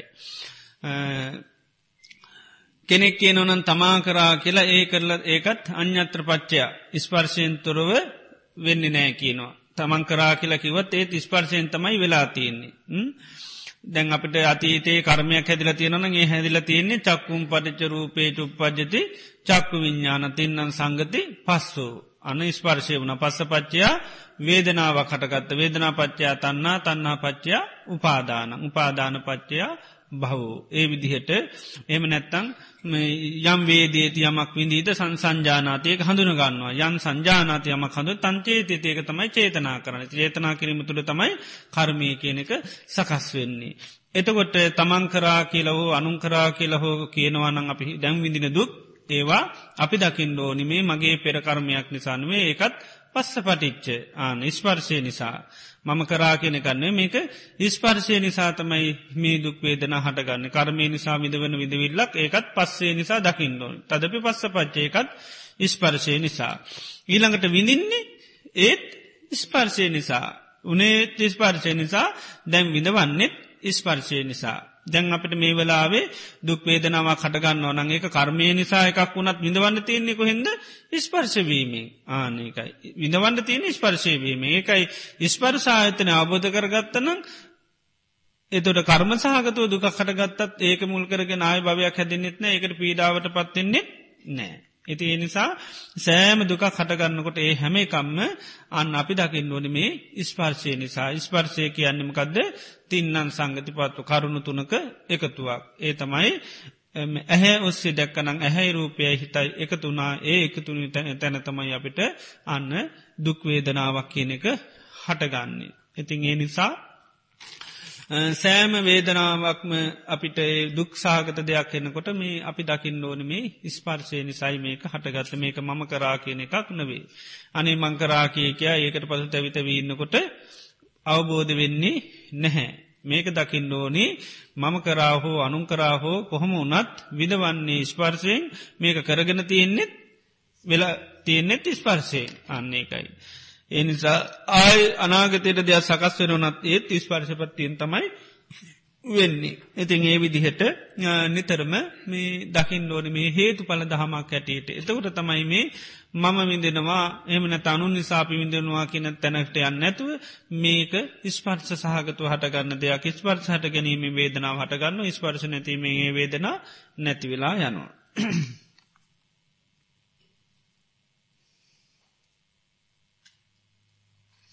ඉතිං අර මේ ඉස්පර්ස සහගත හටගන්න වේදනාවට අපේ හිත බැඳුණුත් නිතරමකද වෙන්නේ අන්න භවයක් කියන එක නිතරම හැදෙනවා. ඒක ඉස්පර්ශයෙන් හටගන්න සෑම වේදනාවට හිත බැඳිචික මම්මකද වෙන්නේ ඒ ඒ එක්ක අපිට නිතරම භවය කියනක හැතිවෙනවා. පස්ස පච්චයා වේදනා වේදන පච්චයා තන්නා තන්නා පච්චයා උපාදාන උපාදාන පච්චයා බව. එතිේ නිසා ඇහෙන් දැක්ක දෙයක් වෙන්න පුළුවන් කනින් ඇහිච්ච දෙයක් නාසයෙන් මේ ඉන්දු අසලාහිතනයම්මම විවිධාකාර දුක්ක සහගත නිමිති හටගන්නවා රූප වසයෙන් සද්ධ වසයෙන් ගද සුවද රස නොඒකාකාරයෙන් අටගන්නවා. ඒ ඔක්කෝටම හටගන්න මේ ස්පර්ශයෙන් හටගත්ත ඒ දුක සැප වේදනාවලට හිත බැඳ ඒවාට අපේ සාමාන්‍ය හිත ආස කරන ආසකර ගත්ත අතන හිත බැඳනවා බැඳිචිකවන් ආය හැදින්නේ භවයක්. හිතේ නිසා මේ අපි අර ඉස්පර්ශයෙන් හඳුනාගන මේක ස්පර්ශයනි සහටගත්ත දෙයක් හැටිටේ දුක් වේදනාවක් හටගන්නකට හඳුනාගෙන ස්පර්ශය අනිත්‍ය දුක්කනාත්ම වශයෙන් එම නැත මේක සංකත ධර්මයක්. මේ සංකතය කියන්න මේක පිදීමත් තියෙන්නේ වෙනසීමත් තියෙන්නේ වෙනස්වමින් පැවතීමත් තියෙන්නේ. ඒ නිසාම අනිච්චත සංකත ධර්මයක් නිසාහටගත්ත මේ දුක්වේදනාව නිත්‍යවෙන නෑ මේකත් සංකතයක් මේකත් වෙනස් වෙලා නැති වෙලා යනවා කියල විදිහට අන්න අපිට භාවනාවසයෙන් වඩන්න පන එතොට භවය හැදින්නේ නෑ. එතොට අන්න ස්පර්ශයෙන් හටගත්ත වේදනාව තුළින් භවය හදාගන්න නැතුව අපිට ඒක නිදහස් වෙන මාර්ගය හදාගන්න පුළුවන්. ගරු ස්වාමින් වහන්සේ කායානුපස්සනාවේදී චිත්ත පරිසංවේදී අස්ස සිස්සාමිති සික්කති චිත්ත පරිසංවේදී පස්ස සිස්සාමිති සික්කති යන වදන් සරලව පැහැදිලි කර දෙනමින් හදා කරුණාවෙන් ඉල්ලා සිටිමි. ත්වන් සරණයි. ආනාපාන සතිය සතර සතිපට්ඨාන වශයෙන් වඩන්න පුළුවන් එතනදී ආනාපාන සතියත් එක්ක ඇතිවෙන ස්වභාවයන් මේ හඳුනාගෙන කායානු පස්සනා චිත්තා වේදනානු පස්සනා චිත්තානු පස්සනා වසයෙන් කායානු පස්සනා වසයෙන් තමයි හුස්මවල දිග කෙටි බව හඳුනාගන්න හුස්මේ තියෙන අඩුලූඩු කන්දර ගන්නවා. ඊළඟට මුළු හුස්ම පිළිබඳව සිහ පේට ගන්න එතන කායානු පස්සනා ඊළඟට ඒ අපිට වේදනා ඇති නොම හිත තැන්පත්වෙන්ට තැන්පත්වෙන්න ඒකයි සුකං වේදන වේදියමානු. සුකං වේදන වේදයාමීති ප මේ දී මොකදද?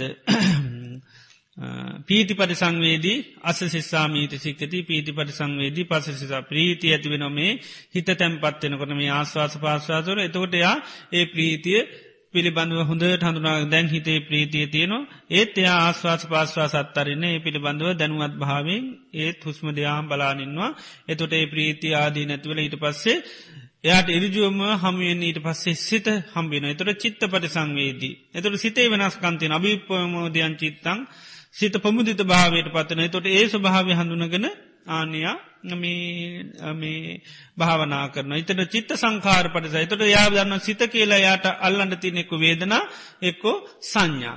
එතොට චිත්ත සංකාර කියන්නේ මේ වේදනා සංඥා තුළ තමයි මේ සිත කියල එකක් අල්ලන්න තියනෙ නිසායකයි චිත්ත පටි සංවේදී අස සිස්සාමීත සික්කති චිත්ත පටි සංවේදී පස සිස්සාමීත සික්කතික ලේ විදිහට ආනාපාන සතිය තුළම සතර සති පට්ටාන වැඩෙන විදිහට කරගෙන යන්න පුළුවන්. ඒතනදි දේශනා කරන්නේ බලගතු සීහත් තියනට මේ වෙනස්කම් අවබෝධ කරගෙන කරගෙන යන්න. ගර්ස්වාමින් වහන්ස අනුසය පරිඋට්ටාන වීතික්කම කෙලෙස් උපදින අවස්ථාවන් පැහැදිලි කර දෙන්න. බුදු සරණයි.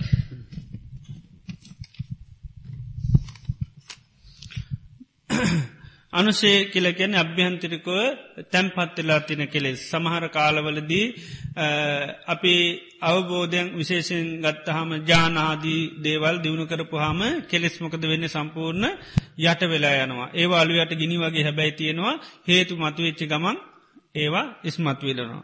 පරිුට්ටාන කියන්නේ වර්තමානය නැගී සිටින කෙලෙස්. ඊළඟට වීතික්කම කියන්න අපි ඒවා පාවිච්චි කරනකොට විධ කෙලෙස් ඇතිවන වතමයි වීතික්කම අවස්ථා කෙලෙස්වල මේ ක්‍රියාවක් කරනකොටම කෙලෙස් ගතිමත්වන ඒ වෙලාවේ හඳුනාගෙන එතනිදී ඒ කෙලෙස් නැති කරගන්න පුළුවන්. එතොට මේ කෙලෙස් සමහරවා අපි පාච්චි කිරීමේ දිත් නැති කරන්න පුළුවන් නැගී සින්න කොටත් පුළුවන් ඒළඟට ඇතුලාන්තේ තියෙනවා අන්න අපි අර ආදීනුව සිහි කරනකොටේ ඇතුලාන්තේ තියෙන කෙලුත් අපිට අයින් කරල දාන්න පුළුවන් ස්චිත් අභ්‍යන්තරයේ සැඟවිලා තියෙන කෙලෙස් ගති. දැන් ඒවා සමහරලාට අනු නූපං කෙලෙස් ඇටියට කියන්නේ තාම ඉපදිල නැමුත් ඇතුලාන්තේ තියෙනවා ඒවා පිළිබඳුවත් අපි ආදීනුව සිහිකරනකොටයි අන්න කාදාක නූපදින තත්වයටම පත් කල්ලා එහෙමම අයින් කරන්න පුළුවන්කම ලැබෙනු. අවසාන ප්‍රශ්නය ගරු ස්වාමින් වහන්ස බුදුන් වහන්සේගේ දෙසැත්තෑ ඥාන ධර්ම ගැන විස්තර පාදා දෙන ලෙස කරුණාවෙන් ඉල්ලා සිටිමි. ගිලම් පස ටිකක් එම අරන්ගෙන්න්න ගෙවල් වලට ඉස්සල්ල කෝල් දීල ඉන්න. මොකද ඥාන ඇත්තෑගන කියන්ති නන්න නේද? ඇත්ත දෙකයි. ඒ නිසා ඉස්සල්ල ගෙවල් වලට කෝල් දීලා ගිලම් පස්ටියක් එම ගෙනල්ලා වාඩිවෙල කතා කරු නේද? එහෙනම් ඒක ලේසි එකක් නෙයි ඒ නිසා පොතක් කරන් තම බලන්ඩුවෙන් කියන්න ගියොත් ගොඩාක් තියෙනවා. ඉතින් සාමාන්‍යයෙන් ගත්තත් ඒ ධර්මතා පිළිබඳව දැන්ගත්ත හම බුදුරජාණන් වහන්සේට හැම ධර්මතාවයකම අවබෝධයක් තියෙනවා. ආනේවට තමයි ඥාන කියල කියන්නේ. විවිධ ධර්මතාලෝකයේ තියෙනවා භාවනා කරනකට විවිධ චිත්ත ස්වභාවයන් හටගන්නවා විවිධ හැකියාවල් ඇතිවන ආනේ හැකියාවල්ලොල්ට වෙන්වෙන් වෙන්වෙන් වසයෙන් නන්දාලා අන්නේවා තමයි අපි ඥාන හැටියට කියන්නේ. අපි එකක් වේක භාවනා කරනකොට කලකිරීම එක තමයි නිබ්බිධාන. අනේ වගේ මේ විවිධ අවස්ථාවලදී මේ හේතු පල දහම ආදී පිළිබඳව මේ ඒවා හමේ අවබෝධ කරන කරනුවට අවබෝ වැටහීම කිලේනවා ඒ වැටහීමට දානකත්තමයි අපි ඥානය කියනක විවිධ වැටහීම් වෙනවා ඒ වැටහීම්වලට ඥාන දානයව තමයි සෙසැත්තෑ ඥාන වසයෙන් සඳහන් වෙන්.